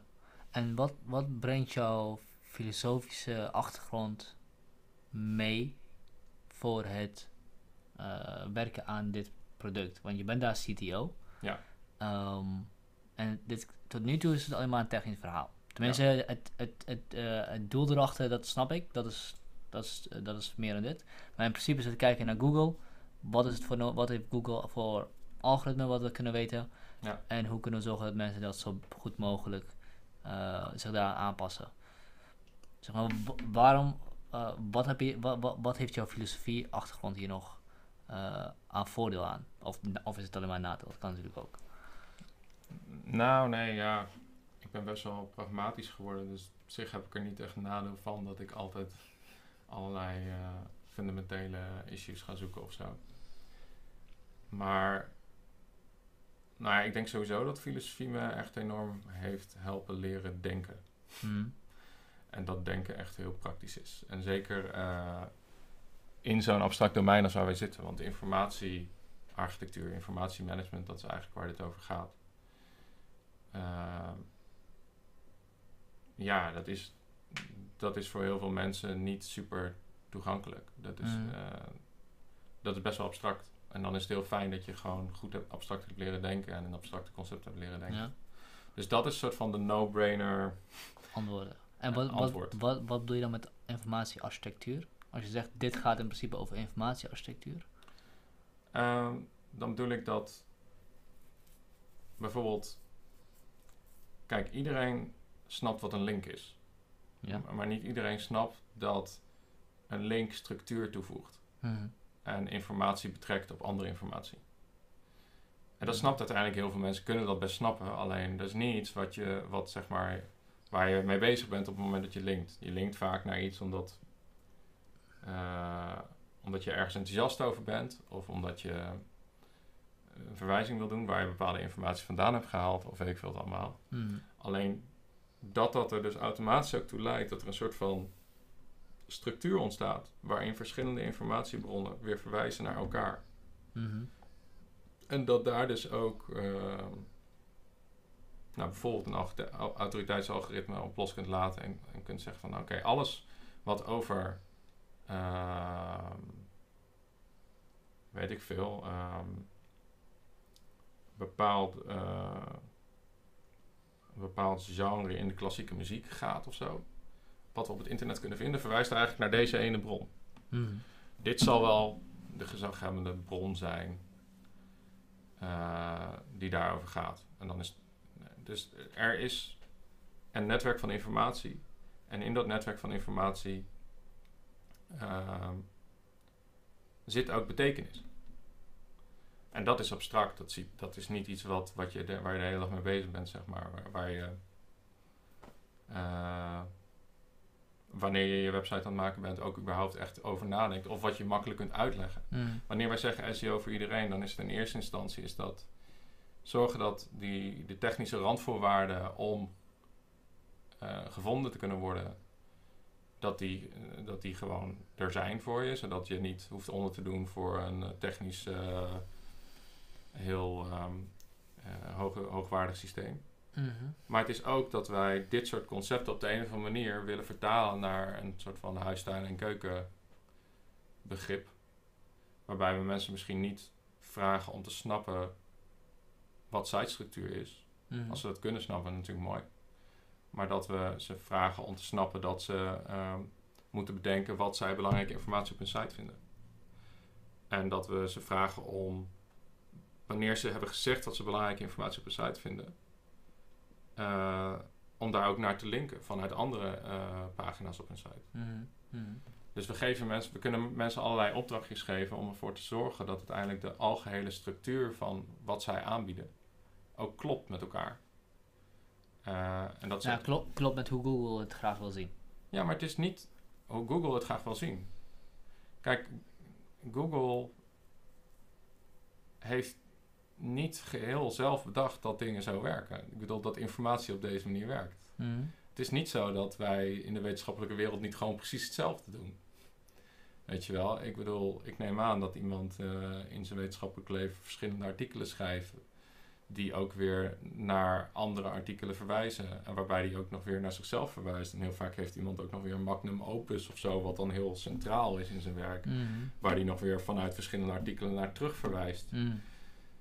Informatie heeft eigenlijk in een zekere zin, of in ieder geval hoe wij daarmee omgaan, al heel lang zo gewerkt. Het is niet zo dat, dit, dat Google nou bedenkt van dit, zo, dit moet zo werken. Dit is ook gewoon, volgens mij voor een deel, hoe informatie werkt. Oké.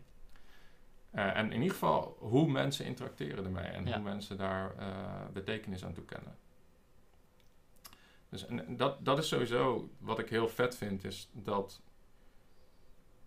Kijk, Google is natuurlijk een heel machtige organisatie. Maar je kunt je afvragen van. Hoe komt het dat ze zoveel macht hebben? Is dat nou dat. eh, ik bedoel, zij zijn ook uit het niets begonnen ooit. Kijk, nu is het voor een deel ook zo dat zij een, een dominante positie hebben in de markt. En dat zij hun gewicht ook in de strijd kunnen gooien. Maar het blijft zo dat er ook een, gewoon een soort van inhoudelijke basis is voor hun succes. En ik denk dat dat, nou in eerste instantie, Google was gewoon een van de eerste zoekmachines, zo niet de eerste, die gewoon links gingen volgen.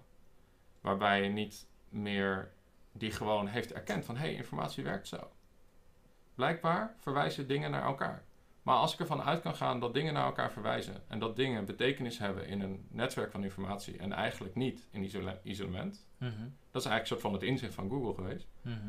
Dan kan ik gewoon verwijzingen volgen. En dan vind ik uiteindelijk alles wat relevant is. En eh, tot op dat moment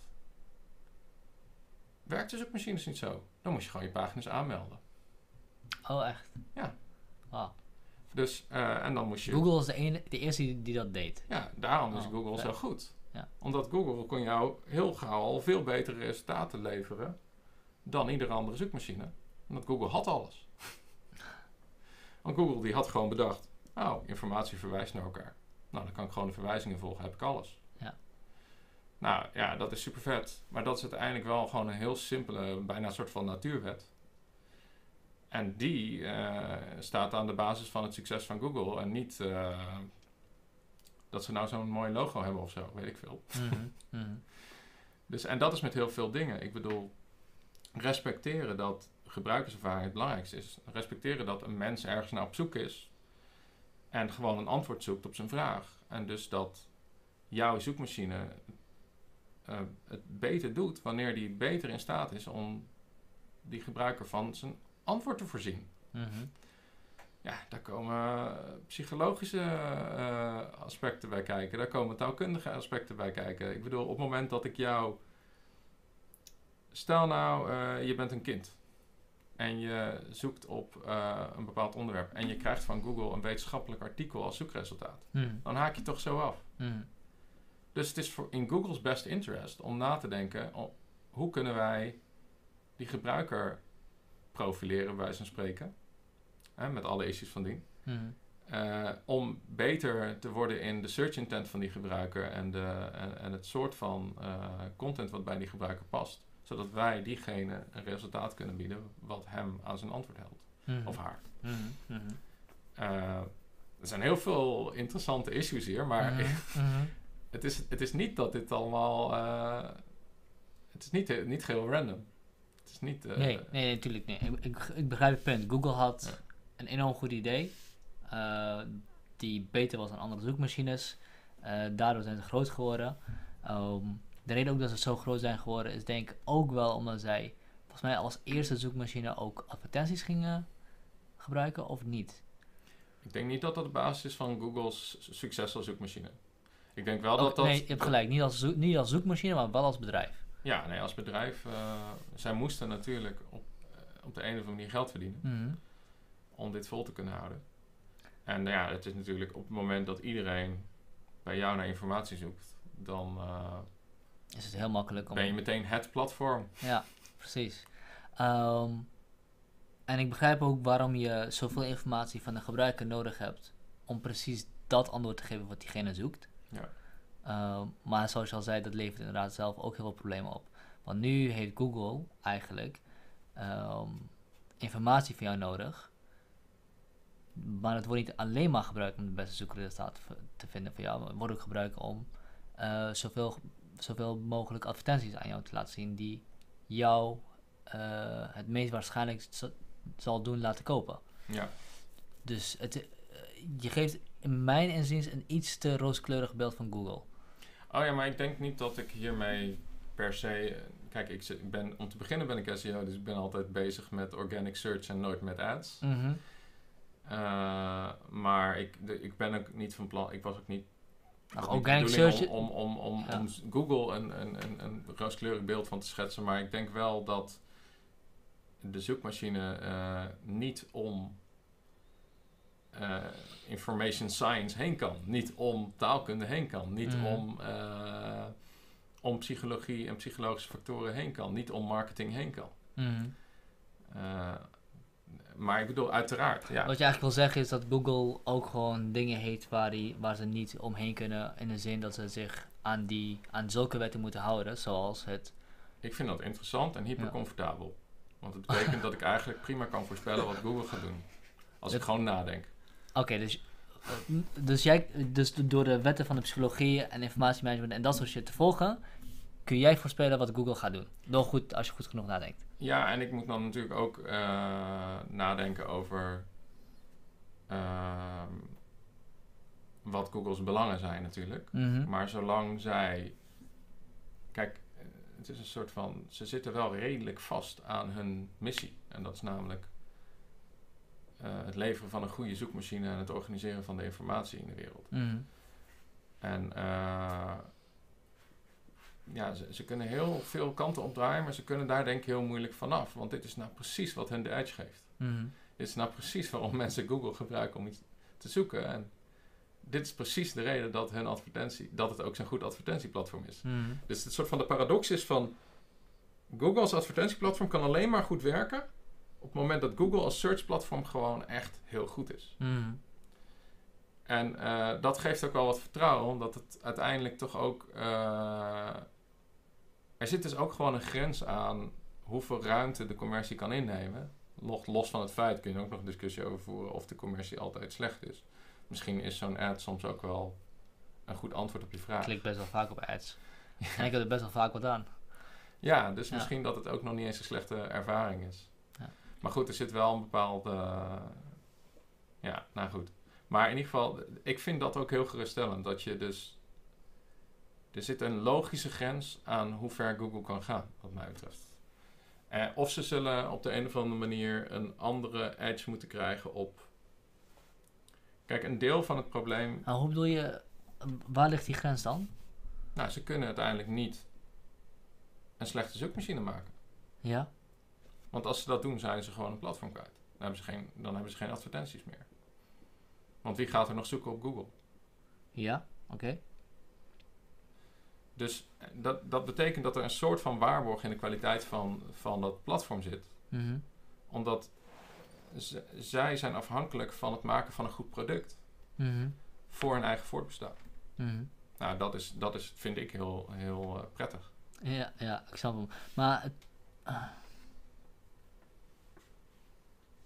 Het gevaar zit hem denk ik eerder erin dat Google en Facebook en Amazon, alle techgiganten, steeds meer data van ons aan het verzamelen zijn. waarbij ze, waardoor ze steeds beter kunnen voorspellen wie waarop gaat klikken. Ja. Dus Google hoeft inderdaad geen slechte zoekmachine te maken. Die hoeft alleen maar betere advertenties te, te, te weer, weer te geven Ja, dan de best mogelijke resultaten. ja, dat snap ik.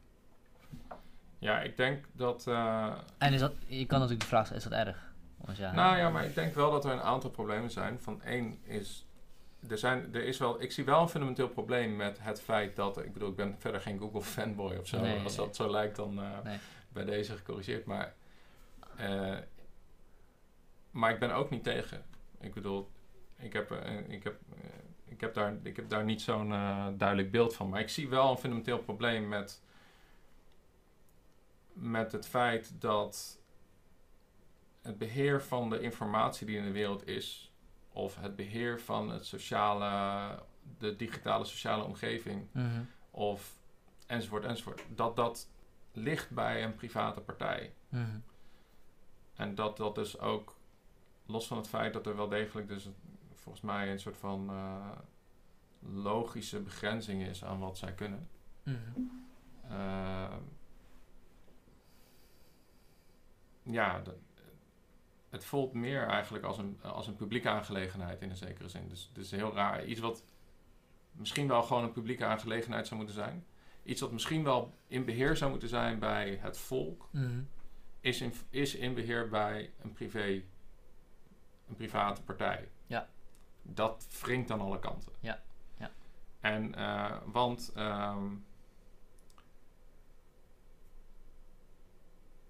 ik bedoel, los van het feit dat we met, met, met, met juridisch vlak heel veel kunnen doen in de begrenzing en kadering van de speelruimte die die bedrijven hebben, denk ik dat eh,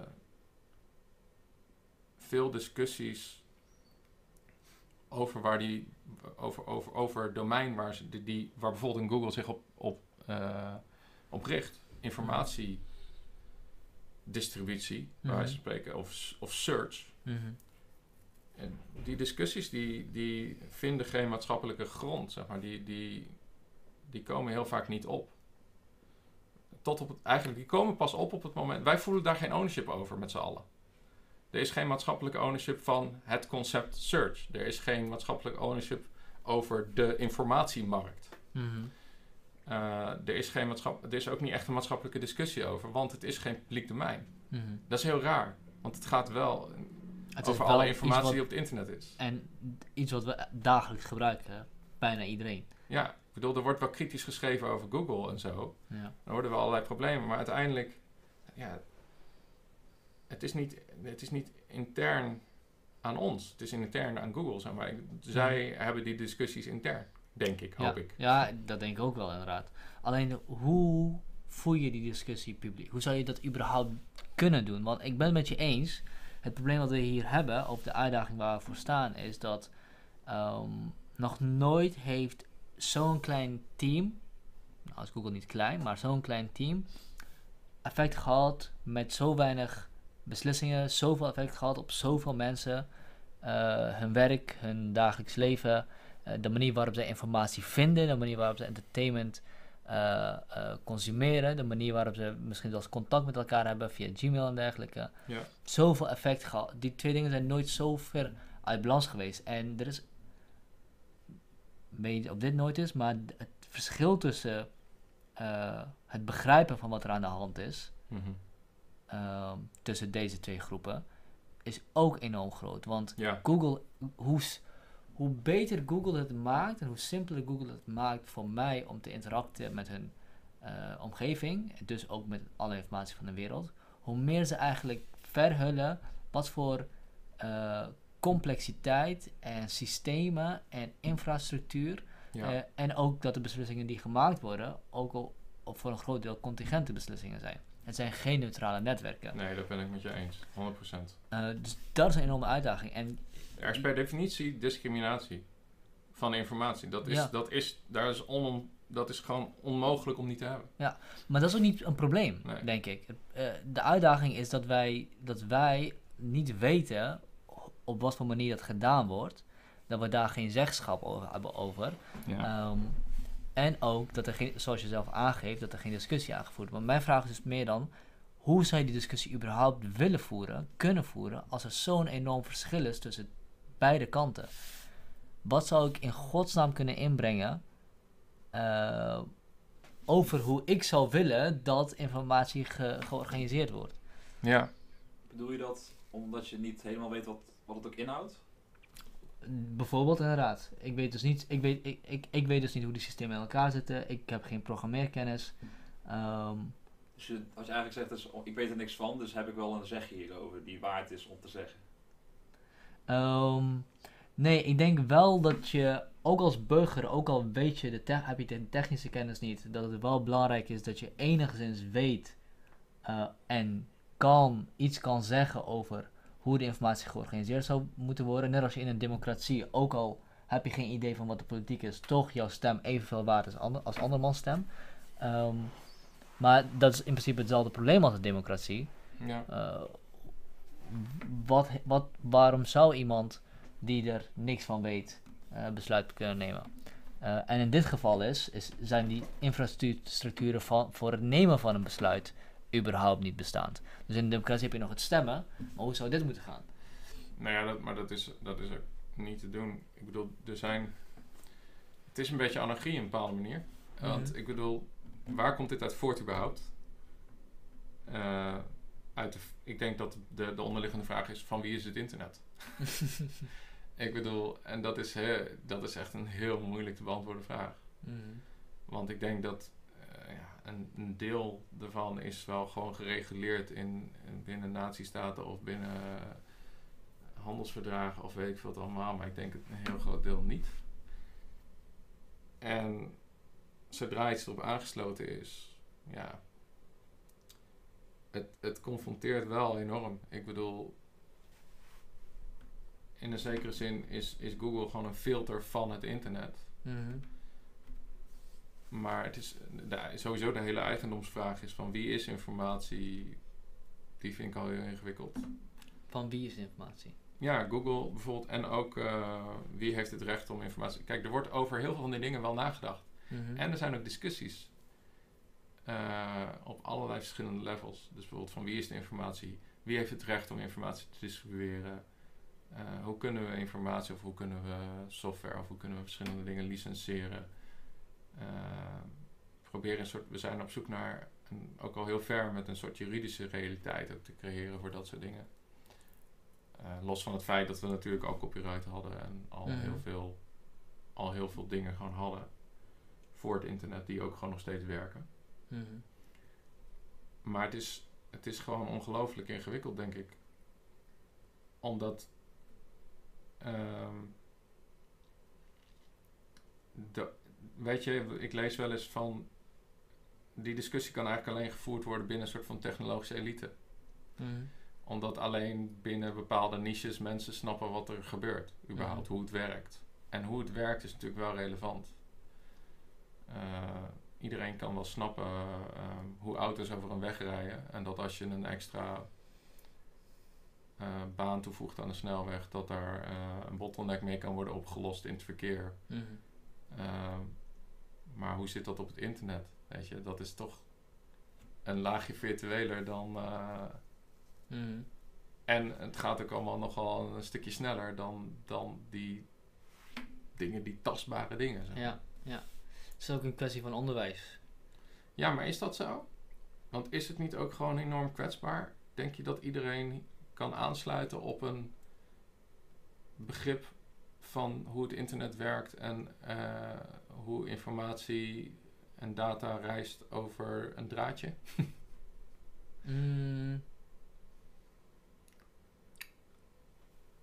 Niet iedereen. Dat is, ik denk niet dat iedereen dat zou kunnen inderdaad. Maar je zou wel een groot deel van de bevolking eh, bekender en bewuster kunnen maken van Ja. het feit dat er eh, van hoe, het- hoe het internet werkt, hoe informatie werkt en inderdaad hoe informatie over draadjes heen gaat. Ja. Ik, denk wel dat kan, ik denk niet dat iedereen dat zou kunnen, zeker. Maar En- dat is met heel veel dingen ook zo. Ja. Hè? Ik bedoel, dat zie ik ook wel dat het niet echt een probleem is. Maar op dit moment is er wel een soort van disbalans. Mhm. Ik bedoel, in ja, we merken heel vaak bijvoorbeeld dat in, in bijvoorbeeld eh, bestuurders in Den Haag of zo, of überhaupt eh, verte- volksvertegenwoordiging, zo weinig hebben enigszins door hoe het internet werkt. Terwijl het internet zo'n, ik bedoel het internet is een heel grote term, maar eh, het heeft zo'n grote impact in onze levens. En Mhm. het, heeft zo'n, het is inmiddels zo'n groot deel van onze ervaring. En aan de bestuurskant en aan de vertegenwoordigingskant is er gewoon geen fatsoenlijk gesprek over nog. Nee. Dus je, je zult toch een soort van technological natives moeten gaan toevoegen aan het discours. Eh, en hoe doe je dat? Want technological natives toevoegen aan het discours kan alleen door een, ja, zeg maar, non, eh, een technologisch eh, digibeten, zeg maar, te overtuigen van het, de noodzaak daarvan. Maar hoe overtuig je mensen? Ja, nou, dat is echt Hun, niet hun e-mails hacken en een mailtje sturen dat ze dat moeten doen. Ja, dus dan moet je, dan moet je een soort van angstpolitiek gaan voeren of ja, zo. ja. Ja, dat, dat, daar heeft bijna geen enkele technological of technologische native zin in natuurlijk. ja, ja. Dat is precies wat we niet willen. Ja. Oké, weet je, kijk, eh, inderdaad, de- de- eh, er is een groot disbalans en de, eh, ik denk dat er steeds meer macht in een kleine groepje beslissers ge- geconcentreerd wordt. Puur ook alleen maar door het succesvol zijn van die systemen. Omdat Google zo goed is geweest in het organiseren van informatie en ons te geven wat we willen, zijn, hebben ze nu enorm veel macht in principe. Ja. Dus het is ook niet. ehm, het is- het is ook een gevolg van, van, van hoe goed ze zijn. Maar in zekere zin kun je ook zeggen eh, dat de enige reden dat ze die macht hebben is omdat ze veel democratischer op de een of andere manier hebben gedacht dan, eh, dan ooit tevoren. Mhm. Omdat ze veel meer. eh, ja, of tenminste, ik weet niet of dat. Misschien is het ook wel een populistische gedachte. Maar Mhm. dat ze gewoon veel meer een product hebben gemaakt. waar mensen daadwerkelijk collectief behoefte aan bleken te hebben. Mhm. Of baat bij bleken te hebben. Mhm. En eh, dat, dat was net een gedachte die door mijn hoofd ging. Van ik dacht van jeetje, dat zou ook wel gewoon. In, met een bepaalde humoristische blik. gewoon veel meer in lijn kunnen zijn met het algemeen belang. dan wat de politicus kan bedenken. Google als zoekmachine dan? Ja? Of- gewoon ja. De, de, de, de, de, de faciliteit die Google eh, heeft toegevoegd. Mhm. Het platform wat Google heeft toegevoegd aan de wereld. Mhm. In combinatie met internet, in combinatie met het feit dat iedereen zijn informatie op internet publiceert. Mhm. Want kijk, we zijn al heel negatief, maar het feit blijft wel dat zij de wereld veranderd hebben. Eh, En, Ja. en informatie ligt, eh, ligt, gewoon, eh, ligt gewoon in je handen. Alles wat je nodig hebt, kun je in principe vinden. Je kan jezelf educeren. En het internet en smartphones zijn natuurlijk niet uitvindingen van Google. Maar dankzij Google is het internet zoekbaar geworden. En Ja. dankzij Google is een smartphone zo, eh, ehm, hoe noem je dat? S- zo snel in het vinden van informatie. Dus, dus je smartphone is heel handig, die, die kun je Ja. meteen pakken. Maar omdat Google zo goed is in informatie vinden, eh, is die zo goed in jou, kun je daarmee zo snel je informatie vinden. Er komen heel veel dingen samen. Ja. En dat heeft toch wel, dat heeft zeker de wereld doen veranderen en ook zeker voor het goede. Ehm, dat is ook een soort van democratisering van, van, van, van informatie, van kennis. Ehm, een, een, een kindje in Oeganda kan nu evenveel informatie hebben als, als ik heb. Die kan zichzelf veel beter educeren. Ehm, je hebt websites zoals, eh, zoals Freelancer en dergelijke, waarbij eh, mensen uit lagere landen direct kunnen mensen, eh, lager, lagere inkomenlanden direct kunnen werken voor mensen in, uit hogere inkomenslanden. Waarbij beide kanten eh, profijt van elkaar hebben. Ehm, eh, via YouTube kun je eh, een podcast maken. Weet je wel. De wereld is veel simpeler geworden voor het uitvoeren van, van taken die je 20 jaar geleden niet zomaar had gekund. Ja, er is in zekere zin een veel meer universele ervaring gekomen. dan er voorheen was. Ik bedoel, die, die, ervaring van het internet en wat het ontsluit, ja, dat is in principe, eh, ja, dat is internationaal, dat is universeel. Dat is, Mhm. eh, tot, op, tot op zekere hoogte, waar dan natiestaten dan ineens weer grenzen toe gaan voegen en firewalls om internet gaan heen zetten en weet ik wat allemaal. Maar het internet zelf als concept is gewoon hyper inclusief, zeg Mhm. maar. En ook decentraal, eigenlijk. Ik zat nog te denken van... dat digital native verhaal houdt me toch een klein beetje bezig van. Moet je nagaan hoe het is voor bedrijven zoals Google, ook wel een beetje zoals wij, die de toekomst soort van aan het bouwen zijn, bij wijze van spreken, of het heden. Mhm. Die moeten opereren in een wereld die wel al volledig over is op moderne technologie, of voor een groot deel. Mhm. Maar waar, waarbij eh, de maatschappelijke discussie over die zaken en waarbij de, de, de, eh, de politieke discussie over, over dat domein zeg maar nog absoluut in de kinderschoenen staat. Mhm. Terwijl jij als bedrijf eh, ja, eigenlijk al heel ver bent, heel veel. Ja, heel- in ieder geval heel goed overziet wat je zelf doet. Mhm. Niet misschien wat de impact daarvan is op een wereld, dat soort dingen. Dat is allemaal heel ingewikkeld. en Het is ook allemaal redelijk onontgonnen terrein.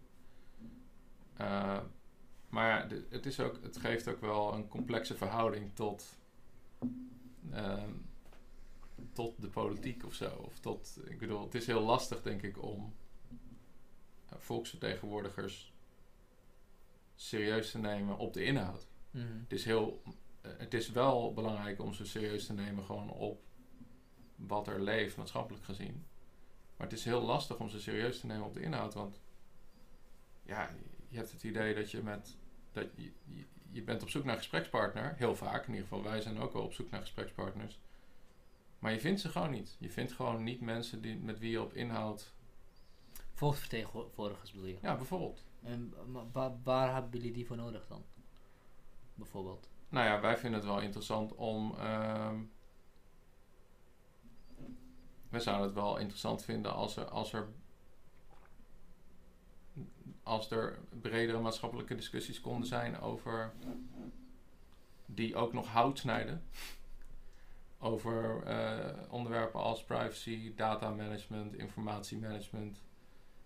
ehm, ja, al dat, soort, al dat soort zaken eigenlijk. Wat is er dan nu mis met de inhoudelijke discussie? Nou, die is er niet.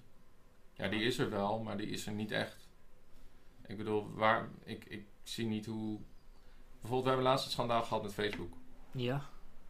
Wat is daar aan inhoud voorbij gekomen? Ik heb heel weinig gezien. Ik heb wel een aantal...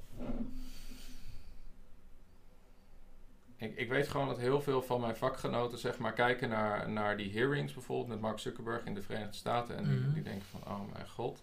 Ik had dat nog niet eens zo heel sterk, maar, ik, eh, maar die denken van, oh mijn god, wat, waar, waar moet je beginnen? Deze senatoren snappen gewoon totaal niet wat de werkelijkheid is eh, waar Facebook in bestaat. Mhm. Nou, ik moet zeggen, dat had ik als leek ook al. Dat, dat- dat is niet echt, denk ik, inherent aan mensen in, de, in jouw industrie, denk ik, Ja. die dat doorhebben. Ik bedoel, ik denk dat iedereen wel zag dat die gasten gewoon echt totaal niet wisten waar ze het over hadden. En de vragen die ze alleen al stelden. Nee, ja, dus dat, maar dat is wel heel lastig. Ja.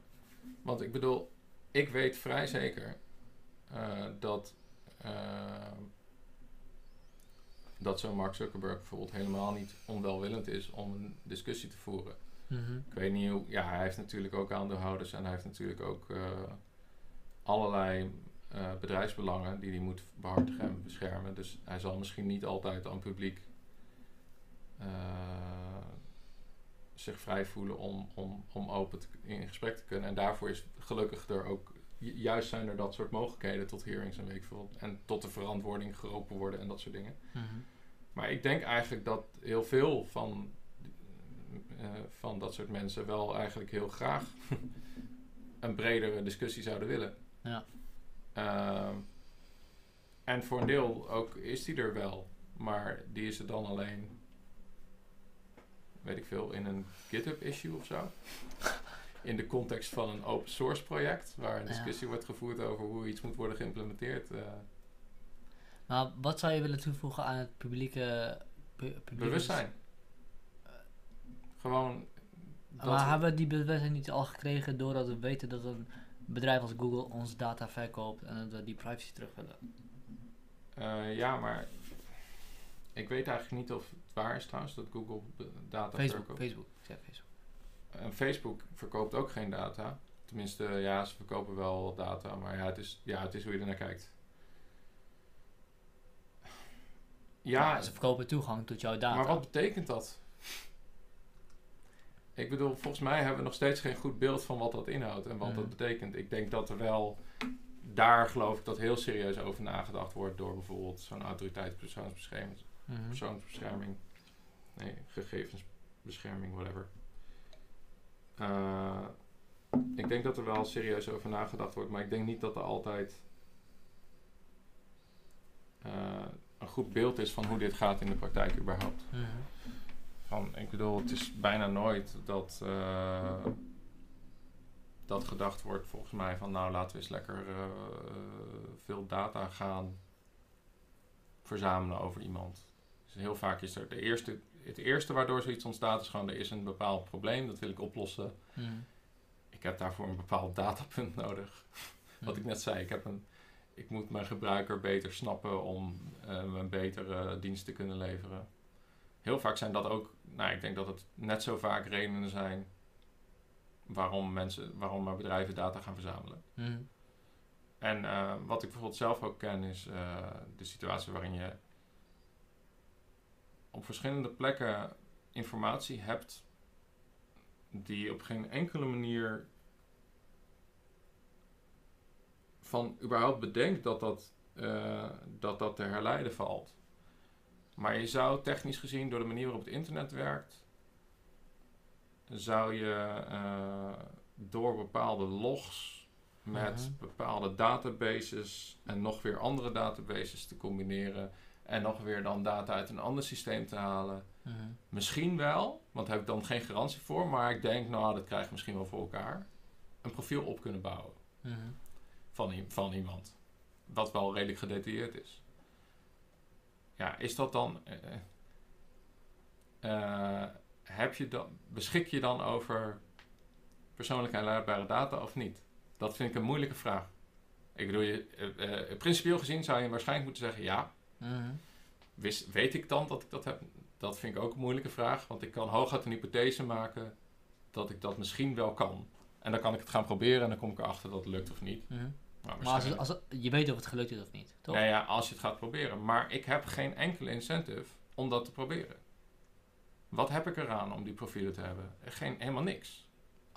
Ja, goed, maar dit is, dit is van de andere kant. oh, he- is het, is het, eh, heeft, heeft een hacker eh, baat bij om jou te, jouw profiel op te maken? Ehm, Wat ik ermee wil zeggen is gewoon... Er zijn door de manier waarop het internet werkt alleen al... En hoe webservers werken alleen al. En hoe logging werkt. En van allerlei nog wat. Zijn er al zoveel traces die mensen de hele dag door achterlaten op allerlei Mhm. verschillende plekken. mhm. Zonder explicit consent ook, weet je wel. Maar dat is allemaal niet echt geregeld. Of misschien als we heel principieel naar de zaak zouden kijken, zouden we dat moeten regelen. Mhm. Of is misschien, ja, whatever. Eh, waarvan ik al denk van, nou ja, maar dit is volgens mij... Maar ik denk dat je hier twee dingen, twee dingen be- eh, als gelijke ziet, wat je niet zou moeten, als gelijke zou moeten zien. Ja, Want die, dat la, de, de laatste voorbeeld wat je geeft is analoog met het achterlaten van sporen. Nou, dat is een, dat, dat is een eh, eh, bijkomstigheid van hoe dingen opgebouwd zijn. Doordat jij, vo- jouw voeten gewicht hebben en de grond zacht is, laat je sporen achter. Door de manier waarop het internet opgebouwd is, laat je sporen achter. Ja. Maar dat is wat anders dan een Google die, die sorry, niet Google, eh, Facebook die informatie verzamelt van mij om door te verkopen, niet van mij persoonlijk, maar van hun gebruikers, ja, informatie verzamelt om door te verkopen aan een Cambridge Analytica. helemaal met je eens. Dat ben ik helemaal met je eens. En daar...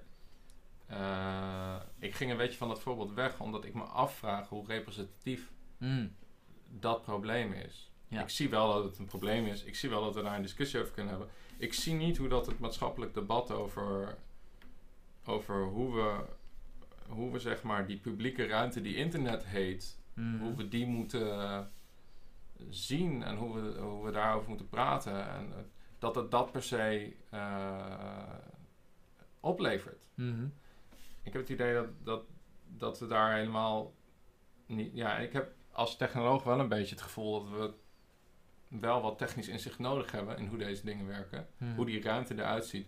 Kijk, weet je wat het is met die sporen waar, die je net noemt in het, in het zachte zand? die staan niet in een database. Mhm.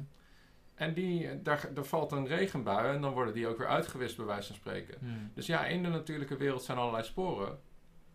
Maar het verschil is wel dat, en dat is niet met alles op het internet zo, maar met heel veel dingen op het internet geldt gewoon van ja, eh, er is ergens een record. Mhm. Mhm. Het is een beetje, eh, ja. Laat ik nou niet allemaal evil analogieën erbij gaan halen, maar het is, het is, er is ergens een record. Ja. En eh, dus ik, snap je, ik, snap wat je, ik snap wat je probeert te zeggen. het is zeg maar waar wij een discu- maatschappelijke discussie over camerabeveiliging al ingewikkeld vinden. ja. Moet je je voorstellen dat dit is gewoon een 100% surveilled environment, bij wijze van spreken. ja. En, en het kan niet, niet surveilled worden. Volgens mij niet door de, principe. ja, de- Door nou ja, er zijn wel oplossingen. Maar, en ik weet ook dat er mensen zijn die erover nadenken. Ik heb alleen het idee dat, ik bedoel, bijvoorbeeld, je hebt cryptografische oplossingen, je hebt die, die, eh, die hele andere, meer wiskundige oplossingen. Die proberen om dat soort data te begrenzen en proberen dat soort eh, verschillende, om informatie en sporen begrenzen tot een specifiek doel. Mhm. En dat het daarbuiten dan niet hanteerbaar is en bruikbaar is, maar voor dat doel wel ingezet kan worden. Ehm, maar je moet dus per definitie gaan nadenken over van hoe is data ontsloten überhaupt, technisch gezien ook. Mhm. En nu is het nog heel erg in de theoretische sfeer. Misschien komt het voor een deel wel doordat het gewoon nog zo'n jonge discipline is. Mhm. Kijk, eh, als ik soms hoor waar eh, eh, security, hoe noem dat? Informatici mee bezig zijn, dan denk ik, ja, daar komt heel veel vette shit aan. Maar er is ook heel veel, er zijn al heel veel toffe cryptografische standaarden zijn al ontwikkeld. Maar die worden niet soort van naar het internet gebracht. Eh, misschien dat ze ergens wel gebruikt worden, maar er zijn weinig toepassingen nog van dat soort dingen. Mhm. Die gemeengoed zijn. Mhm. Eh, voor een deel ook omdat er misschien de maatschappelijke noodzaak niet gevoeld wordt om dat te implementeren, om daar een standaard van te maken. Ehm, Ik snap maar je, ik weet niet hoe je dat uit die bubbel krijgt. ja, ik snap je punt wel. ik weet ook niet hoe het zich on- normaal ontwikkelt hoor, in een natuurlijke wereld. De discussie over privacy is in principe zeer, zeer moreel. Ik denk dat je het heel goed kan eh, vertalen naar je blijft met je poten van mijn data af. Ja, Ehm, Maar is het jouw data, though? precies, we hebben geen discussie over eh, wat het überhaupt is om op het internet te zijn Ja. en daar sporen achter te laten. Inderdaad. Dus dat, dat is denk ik jouw punt. Dat, is, dat moet eraan vooraf gaan voordat we weten wiens data het is en wat voor ding, bla bla bla bla. en het is heel virtueel, dus het is heel moeilijk. Wij interfacen met alles wat er gebeurt via eh, grafische omgevingen. Mhm. Uh, maar daardoor krijgen we ook nooit een gevoel, wat jij ook zegt, van, wat jij eigenlijk net ook zei, van die façade die voor mij wordt gecreëerd als gebruiker, maakt dat ik nog minder snap, al die convenience, maakt dat ik nog minder snap welke, welke machinerie daar eigenlijk achter zit, om eh, mij die ervaring te kunnen bieden. Mhm. Dus jij krijgt een ervaring die ook compleet eh, weggeabstraheerd is, bij wijze van spreken, van de onderliggende eh, Substraat. ja, datastroom. Mhm. En dat, dat, dat maakt het heel ingewikkeld. Want je Mhm. interfacet eigenlijk nooit met de daadwerkelijke eh, eh, datastroom en daadwerkelijke, eh, met het daadwerkelijke internet, om het zo maar te zeggen. Maar altijd met een soort van medium wat voor jou gemaakt is om ermee te interacteren. En er zijn ook geen neutrale beslissingen die gemaakt worden. Dat is denk ik heel belangrijk om ook te benoemen. De, de interfaces waar we mee interacten hebben, in, heb, hebben een, een intentie. En, en Ja, bij, bij, bij een Facebook is dat heel duidelijk. Time, eh, time on screen. Ja, Goed, dat is, eh, dat is vreselijk. En Ja. dat, dat levert heel veel problemen op. Ja. Ehm, maar ik ben het met je eens. De discussie die we moeten voeren is wat betekent het überhaupt om op het internet te zijn.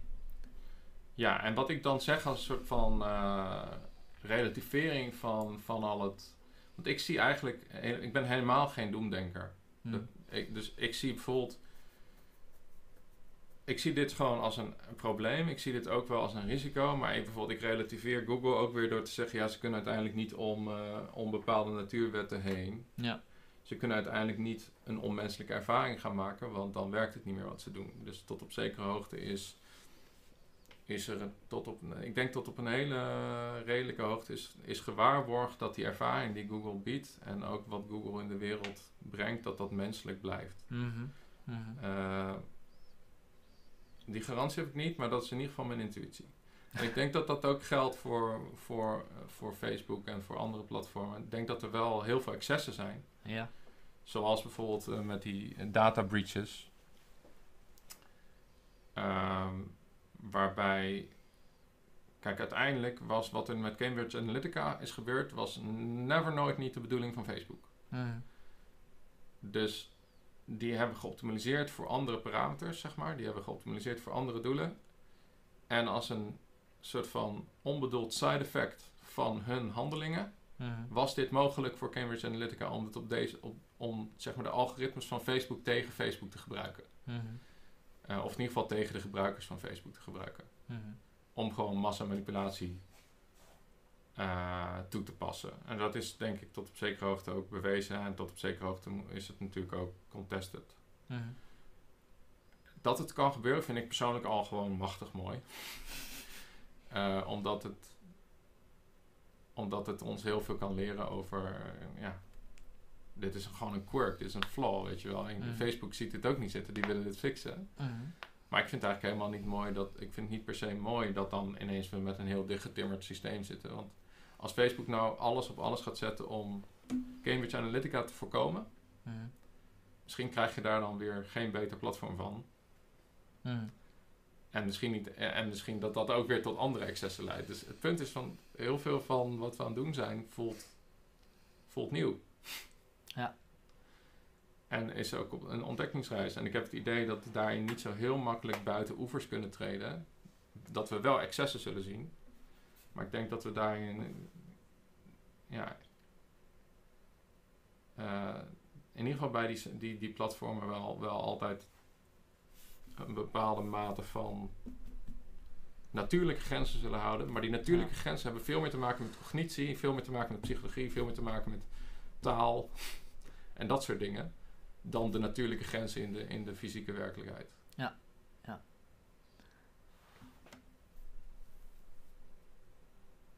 Als je zelf iets, als je zelf zou, iets zou, als je zelf zou moeten afvragen wat het betekent om op het internet rond te, rond te surfen, eh, wat, hoe zou je dat, hoe zou je dat uitleggen?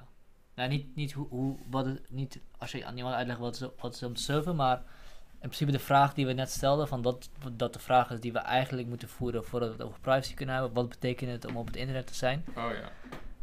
Heb je daar een idee van? Want ik zou, ik zou echt bij. Ik zou niet weten. Ik zou het niet weten. Hoe je dat zou moeten conceptualiseren. Ehm.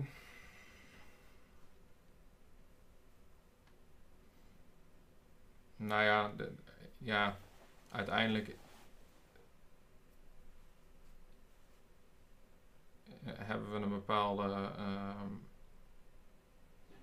nou, op het internet heb je gewoon adressen waar je naartoe kunt gaan. En als je. eh, nou, ieder apparaat dat aangesloten is op het internet heeft een fysiek adres. Mhm. Ehm, een IP-adres. Mhm. En eh, dat is niet hoe wij over het algemeen interacteren met websites. Mhm. We voegen vaak een domeinnaam in, dus bijvoorbeeld www.google.com. En dat, dat verwijst. Er zijn dus. Ja, jou- jouw browser is geconfigureerd om dan op te zoeken bij een, eh een do domeinnaamserver naar welk fysieke adres eh, moet ik mensen sturen die google.com willen. Mhm. Nou, dan vraag ik eh, daar de pagina op. Of de informatie die op dat adres beschikbaar is op. Mhm. En dan krijg ik wel of niet een respons. Mhm. Of ik krijg eigenlijk altijd een respons, want als ik, eh, als ik niks terugkrijg, dan krijg ik eh, een soort van error of zo. Mhm. Maar dat is gewoon al in de meest basale zin wat er gebeurt. Dus het is. En wat ik dan terugkrijg is dan informatie die als ik in de browser dus inderdaad iets bezoek, eh, meestal is geformateerd in, in, in HTML. Wat een uiteindelijk gewoon een markup language is. Dus een opmaaktaal Mhm. om structuur te geven aan tekst. Ja. Ehm, en waarom is het allemaal relevant? Ehm,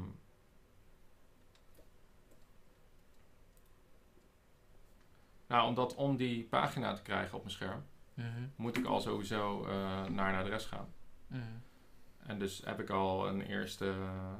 Dus ik, ik, ik, ik verstuur een verzoek naar het internet, bij wijze van spreken. En dat reist al door allemaal computers heen naar de juiste bestemming. Mhm. Vraag daar een pagina op. Uh, maar ik zelf ben het ook op het internet aangesloten met Ja. een fysiek adres, mijn computer. Mhm.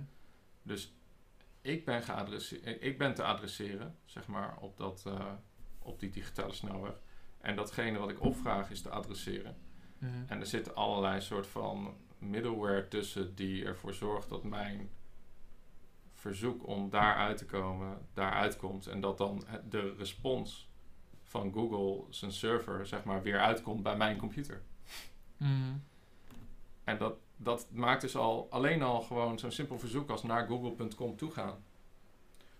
Eh, het reist dus al langs. Eh, daar, daar, dat zou prima kunnen in theorie dat daar eh, verschillende webhosting eh, bedrijven record van hebben. En dan niet per se wat jij hebt gezocht of welke URL je precies hebt ingevoerd. Nou, de URL vaak nog wel. Eh, maar niet per se de data die je daar ook bij verstuurt. Mhm. Want die gaat dan vaak nog eh, versleuteld door de draad heen. Dus die kan eigenlijk alleen, die data kan alleen ontsleuteld worden aan één van de beide kanten. Mhm. Eh, dus daar waar die wordt verstuurd of daar, daar waar die wordt ontvangen. Maar eh, dat jij bij, die, bij dat adres iets, hebt opgevraagd, dat is dus gewoon altijd bekend. Op meerdere plekken. Dat vind ik al gewoon kennis. Mhm. Die helpt, als je dat begrijpt, helpt al wel gewoon om een beetje te snappen in wat voor soort van werkelijkheid eh, we ons bevinden. Het is daadwerkelijk gewoon, dan ben je weer in een computerwerkelijkheid waarbij gewoon allerlei machines met draadjes bij wijze van spreken aan elkaar verbonden zijn met nog weer tussenstations die nog weer verkeer van eh, doorverwijzen en weet ik veel wat allemaal. En die zorgen dat een verzoek van punt A naar punt B komt. Maar dat, dat is letterlijk hoe dat gaat. Zo vreemd, want dat is... Kijk, dan zit ik bijvoorbeeld, weet ik veel, kattenfilmpjes te kijken. Ja. Eh, iets heel simpels. Maar dan is er een enorm scala aan apparaten en kabels en dergelijke bezig om dat te krijgen? bij mij te krijgen. En Ja. zo 2 miljard andere mensen. Ja. En je zei net ook al, je kan een vraag stellen, wat is het internet? Maar het internet is natuurlijk een emergent, is een emergent property van kabels, servers ehm, en wifi wellicht. Ik, Ja, weet wifi dan- is en- alleen maar weer een en modem, ja. om data weer door een ruimte naar een device te krijgen. ja, en modems en routers en dergelijke. Ja, Ehm, dus misschien, misschien moet je vragen van wie zijn de kabels? Van wie zijn de servers? Nou, als die vragen gesteld zouden worden en iets publieker gesteld zouden worden, zou Hmm. ook al heel interessant zijn. Hm. Het zou al meer, de, voor mijn gevoel, al meer debat zijn dan wat ik over het algemeen zie. Goed, er is ook allerlei regulering voor. Hè. Het is niet dat het allemaal ongereguleerd is. Hm. Dus, maar webhosts vallen dus onder wet. Maar dus op het moment dat we dan over zo'n nieuwe eh, sleepwet hebben, dan is dit heel vaak het domein waar dat speelt.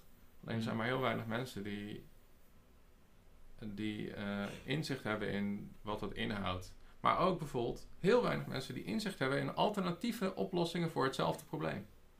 Oh, oké. En als je dat dus niet hebt, hoe kun je dan de discussie voeren? Als je niet Mhm. snapt wat het alternatief is. Mhm. Dan is het dus heel, dan is dus zo'n probleem te framen als we doen het wel of we doen het niet. We doen het zo of het kan niet. Ja. Eh, we doen het eh, op deze manier of we zijn onveilig. Wow, En- dat is extreem, man. Heb je een voorbeeld van Nou ja, dat is wat er bij de sleepwet heel Ja. vaak gebeurde. Maar wat ik bedoel is, heb je een voorbeeld van hoe de sleepwet anders had gedaan kunnen zijn? Ehm, Of Nou, misschien zou ik, algemeen iets... inhoudelijke domeinkennis op de sleepwet iets beter moeten, moeten snappen. Maar Ja. ehm, Nou, goed. eh, dat is, dat is alweer een tijdje terug, maar wat bij mij is blijven hangen is dus inderdaad dat die discussie op die manier geframed werd. Mhm. En dat ik toen dacht van, hé, hey, maar zou je niet... ehm, ja, zou, zou je niet bijvoorbeeld een, een, een probleem wat de tegenstanders eh, van een sleepwet hebben, niet ook gewoon kunnen oplossen voor een deel in, eh, eh, in, in, de, in de tools waarmee je, waarmee je de wetgeving uiteindelijk straks moet gaan hoe noem je dat? Handhaven. handhaven. Of zou je misschien door de manier waarop het internet werkt, of door een protocol toe te voegen, of door een eh, bepaalde versleuteling ergens eh, toe te voegen. Ja, dit, dit Mhm. wordt echt heel koffiedik. Ja. Maar het is meer van. Er zijn heel vaak gewoon. Er is een heel volledig technisch domein. En er zijn heel vaak een heleboel verschillende probleem, of, eh, oplossingen. Er zijn ook verschillende trade-offs te maken. Die nuance is best wel nuttig. Ehm, in die discussie. En die valt heel vaak helemaal volledig, of voor een groot deel weg. Wat je ook net zei was, eh, je zou bijvoorbeeld problemen kunnen oplossen, of problemen in die in de slipwet zaten, oplo- op kunnen lossen door een protocol aan het internet toe te voegen. Ja, Eh, er is ook iets wat heel veel mensen niet weten, inderdaad, is dat het internet constant verandert. Ja. Eh, en dat je dus ook blijkbaar zelf dingen aan het internet, of de manier waarop het internet werkt, kan veranderen. Ja, dat probeert Google op dit moment. Wat dan? Nou ja, Google eh, werkt aan een nieuwe standaard. Een soort van eh, superset van HTML of een subset, ik weet niet precies. Die eh, heet dat wordt Accelerated Mobile Pages ge- genoemd. Ga je even uitleggen wat HTML is? HTML is de markup language waarin webpagina's worden opgemaakt. Oké. Dus ehm, ja, dat is, dat is een manier waarop je eh, informatie kunt structureren. Mhm. Gewoon één pagina. Nou, een Accelerated Mobile Pages is een soort van eh, restricted set, waarbij je iets minder flexibiliteit hebt in wat je allemaal op een webpagina kan, Mhm. maar in principe wel dezelfde ervaringen kunt bieden. Mhm. Dus je kunt één ding misschien maar op één manier, in plaats van dat je nu met HTML het op vier manieren kunt Mhm. inregelen. En dat maakt het efficiënter, maar dat maakt het ook bijvoorbeeld beter cachebaar. En cachebaar betekent, ik kan een kopie van jouw pagina maken en die op mijn eigen server zetten en vanuit mijn eigen server surfen. Sneller. Het komt erop neer dat het sneller wordt. Ja, maar wat wel heel raar wordt, is dat dan bijvoorbeeld wat een bezwaar er tegen is, is dat Google eh, gaat het hele web cachen. Betekent dus dat Google jouw hele site op zijn eigen servers heeft. En eh, vanuit zijn eigen servers aan zijn eigen gebruikers gaat serveren die op een link in Google klikken. Dus, Nou. sorry, als ik het goed begrijp, is dus dat Google in principe zijn eigen internet kan hebben dan. En nee, een kopie. Een kopie, van, het internet op op zijn eigen moment. servers. Ja. En, eh, en die serveren ze dan aan eh, de eindgebruiker onder het mom van snelheid. Oké. En dat, er zijn heel eh, mooie idealistische argumenten ook voor. Omdat bijvoorbeeld eh, de, de internetsnelheid van iemand die in, eh, bij wijze van spreken in Afrika met een, eh, met een wat oudere smartphone eh, moet internetten is, is niet zo goed. En websites zijn uit, de kluiten, uit de klauwen gegroeid en zijn in, veel te zwaar geworden. Mm. En vereisen eigenlijk allemaal snelle computers die we hier in Nederland allemaal wel kunnen betalen en hebben, maar eh, niet overal ter wereld. Mhm. Dus Google wil eigenlijk een meer toegankelijk internet en wil eh, ook dat mensen in Afrika een snelle en goede en betrouwbare ervaring hebben. Nou, dat, eh, dat is dan het verhaal en dat is ook echt een goed verhaal. Maar ja, dat maakt dus ook wel dat, eh, dat ze eigenlijk een soort van protocol of een soort van een nieuwe soort webstandaard introduceren. Die heel dominant wordt op het internet, want Mhm. ja, Google heeft veel macht. Mhm. Eh, en iedereen wil er dan eigenlijk ook aan voldoen, want daar haal je misschien wel weer voordelen bij. En mensen eh, geloven er ook nog in, want ja, ik wil natuurlijk dat eh, mensen in Azië en in Afrika, bij wijze van spreken, ook gewoon volwaardig gebruik kunnen maken van mijn website. Maar er zijn dus ook ehm, ehm, De bezwaren zijn, spannende bezwaren. van wie is die webpagina dan? Ja. Die kopie. Exact, dat is de vraag. Van wie is die pagina? En, En mag Google dat zomaar kopiëren? Ja, jij hebt toestemming gegeven. Nou, weet je wat het is? In principe toch? Kijk, bij, zoek, eh, bij, zoek, bij de zoekmachine kan ik nu, eh, is er gewoon, zijn er afspraken waarbij ik kan zeggen, ik voeg een tag toe op die pagina, Mhm. no index. Ja. En dan, Komen die bots van Google, die gaan dan niet over die pagina heen. Of die indexeren hem niet. die indexeren hem niet. Dus die pagina is via Google niet te vinden. Dat is een soort van gentleman's agreement, want uiteindelijk, technisch gezien, is er geen limitatie. Waarom Google dat niet zou kunnen indexeren. Mhm. Maar de meeste bots, eh, zeker de meeste bots van officiële zoekmachines, re- die respecteren die no-index. Mhm. Ook omdat het ze uiteindelijk bijna altijd no-index een pagina die je niet wil dat gevonden wordt. Mhm. Uh, dus als Google die zou, zou serveren, is dat waarschijnlijk ook een slechte ervaring voor de gebruiker. Dus er zijn ook belangen waarom Google Ja. die no-index respecteert. Maar En je zult ook zo'n agreement wel moeten hoog houden. Want als mensen erachter komen dat Google dat grootschalig schaadt, dan is natuurlijk alle vertrouwen ook weg. ja, dat, dat is nog een andere kant van het verhaal. Dus, maar en hoe dat precies werkt, weet ik niet. Ja. Tenminste, althans, ik weet niet door welke, eh, welke factoren nou bepalen dat, daar, dat dat gerespecteerd wordt of niet. Mhm. Maar wat wel... eh, Maar die accelerated, accelerated webpages. Ja, die accelerated mobile webpages, daar kan het niet bij. Wij hebben gewoon letterlijk contact gehad. We hebben, ik heb een issue geopend op accelerated mobile pa- pages van hoe kan ik er nou voor zorgen dat jullie ehm, mijn pagina niet, in mijn AMP, dus ik wil wel best meedoen in jullie standaard, maar ik wil niet dat jullie mijn AMP-pagina in jullie cache zetten. Mhm. Het antwoord was letterlijk, oh dan moet je gewoon eh, ergens een foutje maken en dan, eh, eh, dan invalideert je AMP en dan indexeren we hem niet. Dus als ik gewoon een goede pa- AMP-pagina heb, dan wordt die dus per definitie geïndexeerd, ook, of eh, ge, ge, eh, gecached door Google. Mhm. Mhm. Nou, dat is, dat, is, dat, is echt... Ja. Daar zou eigenlijk het internet van in de fik moeten staan, wat ons betreft. Mhm. Maar ja, dat, Maar goed, wat is erop tegen dat je iemand anders een website kopieert? Eh, Als, als informatie vrij is, ja, wat is erop tegen om iemands webpagina te kopiëren en die te laten zien? ja, dat is een goede vraag. Dat weet ik ook niet. Dat is, dat, dat is natuurlijk ook gewoon een probleem van het, ja, een probleem, een uitdaging van het internet überhaupt. Ja. Wat doe je met copyright? Wat doe je met eh, dingen die jij gemaakt hebt? Nee, ja, Want, dat sowieso. ja, Maar ook bijvoorbeeld, ehm, eh, ik als. Google gaat fungeren als een cache en ik verander de inhoud op de pagina, Mhm. kan ik dat dan ook, eh, kan ik die, ik bedoel, dan moet ik haast wel actief ineens Google gaan pingen van, hey, de pagina is veranderd, jullie moeten eh, de cache verversen. Mhm. Eh, een cache is dus een kopie van een pagina. Mhm. Eh, want anders dan gaat Google misschien een oude versie van mijn pagina serveren. Mhm. Oh, dan begrijp ik het helemaal denk ik. Want eh, moet Google niet continu die cache verversen dan? Omdat het de hele tijd dingen veranderen op alle websites. Nou ja, Google zal zelf ook proberen die cache te verversen, maar hoe krijgen zij een signaal dat de pagina veranderd is? Dat doen ze door die pagina te crawlen, maar die crawler die komt niet iedere seconde langs. Oké. Dus dan, eigenlijk, als het het geval zou zijn, creëert Google het probleem dat ze opgelost hebben. Dat jij als gebruiker Google moet pingen eh, dat jouw pagina veranderd is. Ja, daar lijken we nou weer een beetje naartoe te gaan. En, eh, ja, maar dat is echt, en dat is een hele rare wereld. Maar ik bedoel, maar uiteindelijk, kijk, weet je wat het is? Google was de eerste die gewoon erkende, informatie verwijst naar elkaar. We kunnen gewoon de verwijzingen volgen, dan hebben we alle informatie. Ja. Super vet. Ja. Maar eh, hoe weet je of informatie veranderd is? Dan moet je dus heel vaak langs. Ja. Super inefficiënt. Ja.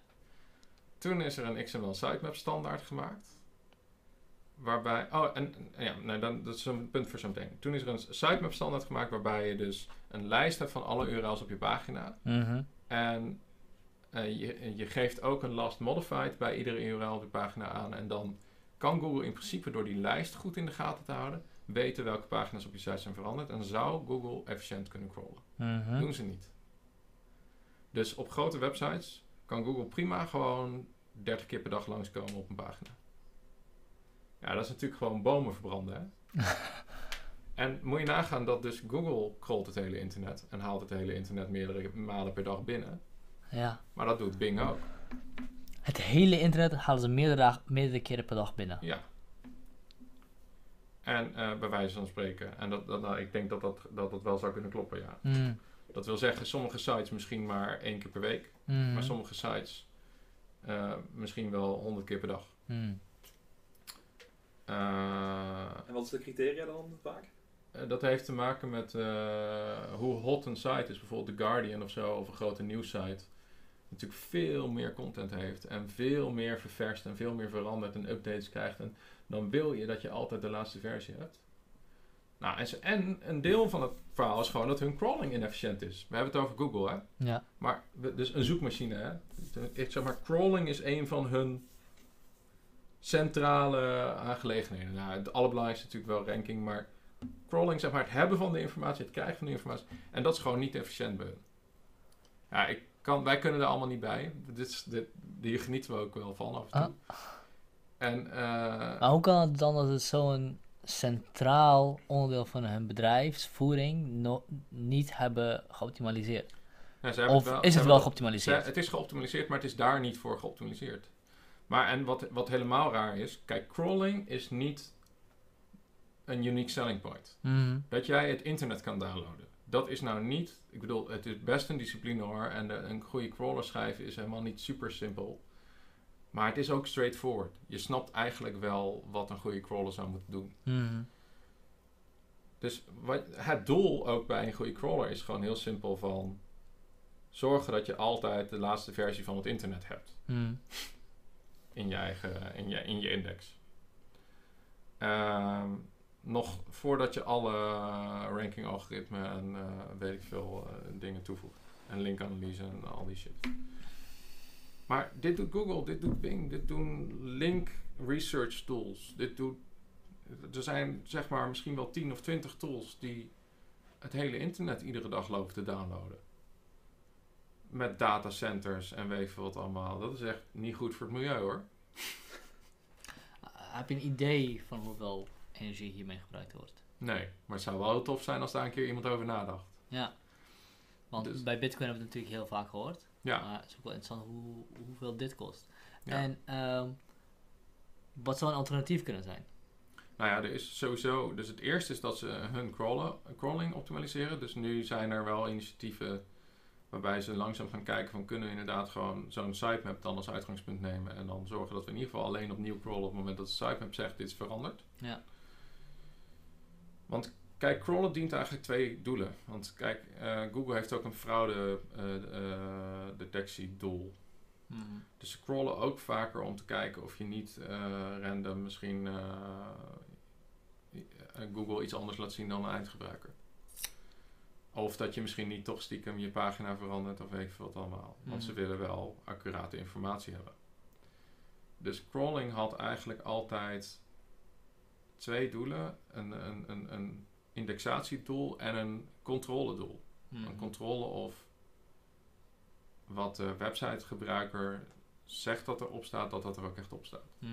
Nou, waar we dan naartoe zouden moeten is dat je eh, dat de websitebezoeker, of dat de website owner in principe kan aangeven welke content hij op zijn site heeft. Eh, en dat hij ook kan aangeven of zij eh, wa- wanneer die voor het laatst geüpdate is. Mhm. Maar dat Google dan, of welke crawler dan ook, eh, alleen nog soms extra crawlt om te controleren of ook klopt wat de website owner aangeeft. Dus dan heb je een prima vertrouwenscontract zeg maar, tussen die twee partijen. Mhm. Eh, dus dat is stap 1. Als, als ze dat zouden gaan doen, dan zouden ze in ieder geval al maximale efficiëntie hebben op hun eigen ding. Maar er is ook een initiatief dat heet OpenCrawl. Want er is niks bijzonders aan een database van, waarin alle URL's geïndexeerd zijn. Mhm. En we- wat ze ook gewoon zouden kunnen doen, is een consortium vormen. En zorgen dat het crawlen gewoon een publieke zaak wordt, bij wijze van spreken. Of in ieder geval een, een gedeelde eh, use case. En dat er gewoon maar één keer gecrawled wordt. In plaats van dat al die bedrijven dat los doen. 20 keer. En dat zij, eh, dat zij gewoon eh, aangesloten zijn op die database. Ja. Hoeveel meer efficiëntie dat zou brengen, weet ik niet zeker. Maar eh, dit is dus allemaal nog te optimaliseren. Dat vind ik ook, vind ik ook wel vet, omdat je zou zeggen dat dit al lang geoptimaliseerd is. Maar Ja, ja, ja. daar zijn ze nu voor een deel nog mee bezig. Ja, ik bedoel, dit is de ene, eerste generatie van deze bedrijven die we hebben. Ja, Dit bestaat misschien net 20 jaar. Of loopt misschien net 20 jaar. ja. Dus eh, ik denk dat we over 20, 40 jaar denken, wauw. Wat voor inefficiënte zooi hadden we toen lopen. ja dat denk ik ook. Ik moest intypen wat ik zocht. Hoezo kreeg ik het niet van tevoren al? Ja, Zulke dingen. dat soort dingen. En Waarom, ook kon je er toen nog niet aan denken dat je dan al... eh, Ja, ja, ja, ja. Oef, eh, ik ben wel een beetje op. Ja? Ja, Hij is best lang aan het praten. Ja. 2 uur en 18 minuten al. Dus. 2 uur en 8 minuten. Heb jij nog wat toe te voegen? eh, ja, ik had net nog iets in mijn hoofd. Oh ja, je zei op een gegeven moment ook, oh, dus dat is een punt voor later. Bij iets. Ja, nee, eh, dat, volgens mij heb ik dat punt nog wel gemaakt. Oké. Ehm, ja, want dat ging ook over dat de in- inefficiënte crawlen ging dat eigenlijk. Mhm. Maar ehm,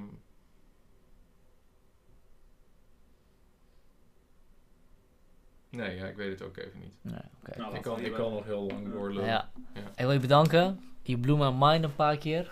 En eh, Ja, ik hoop dat het te volgen is, weet je wel.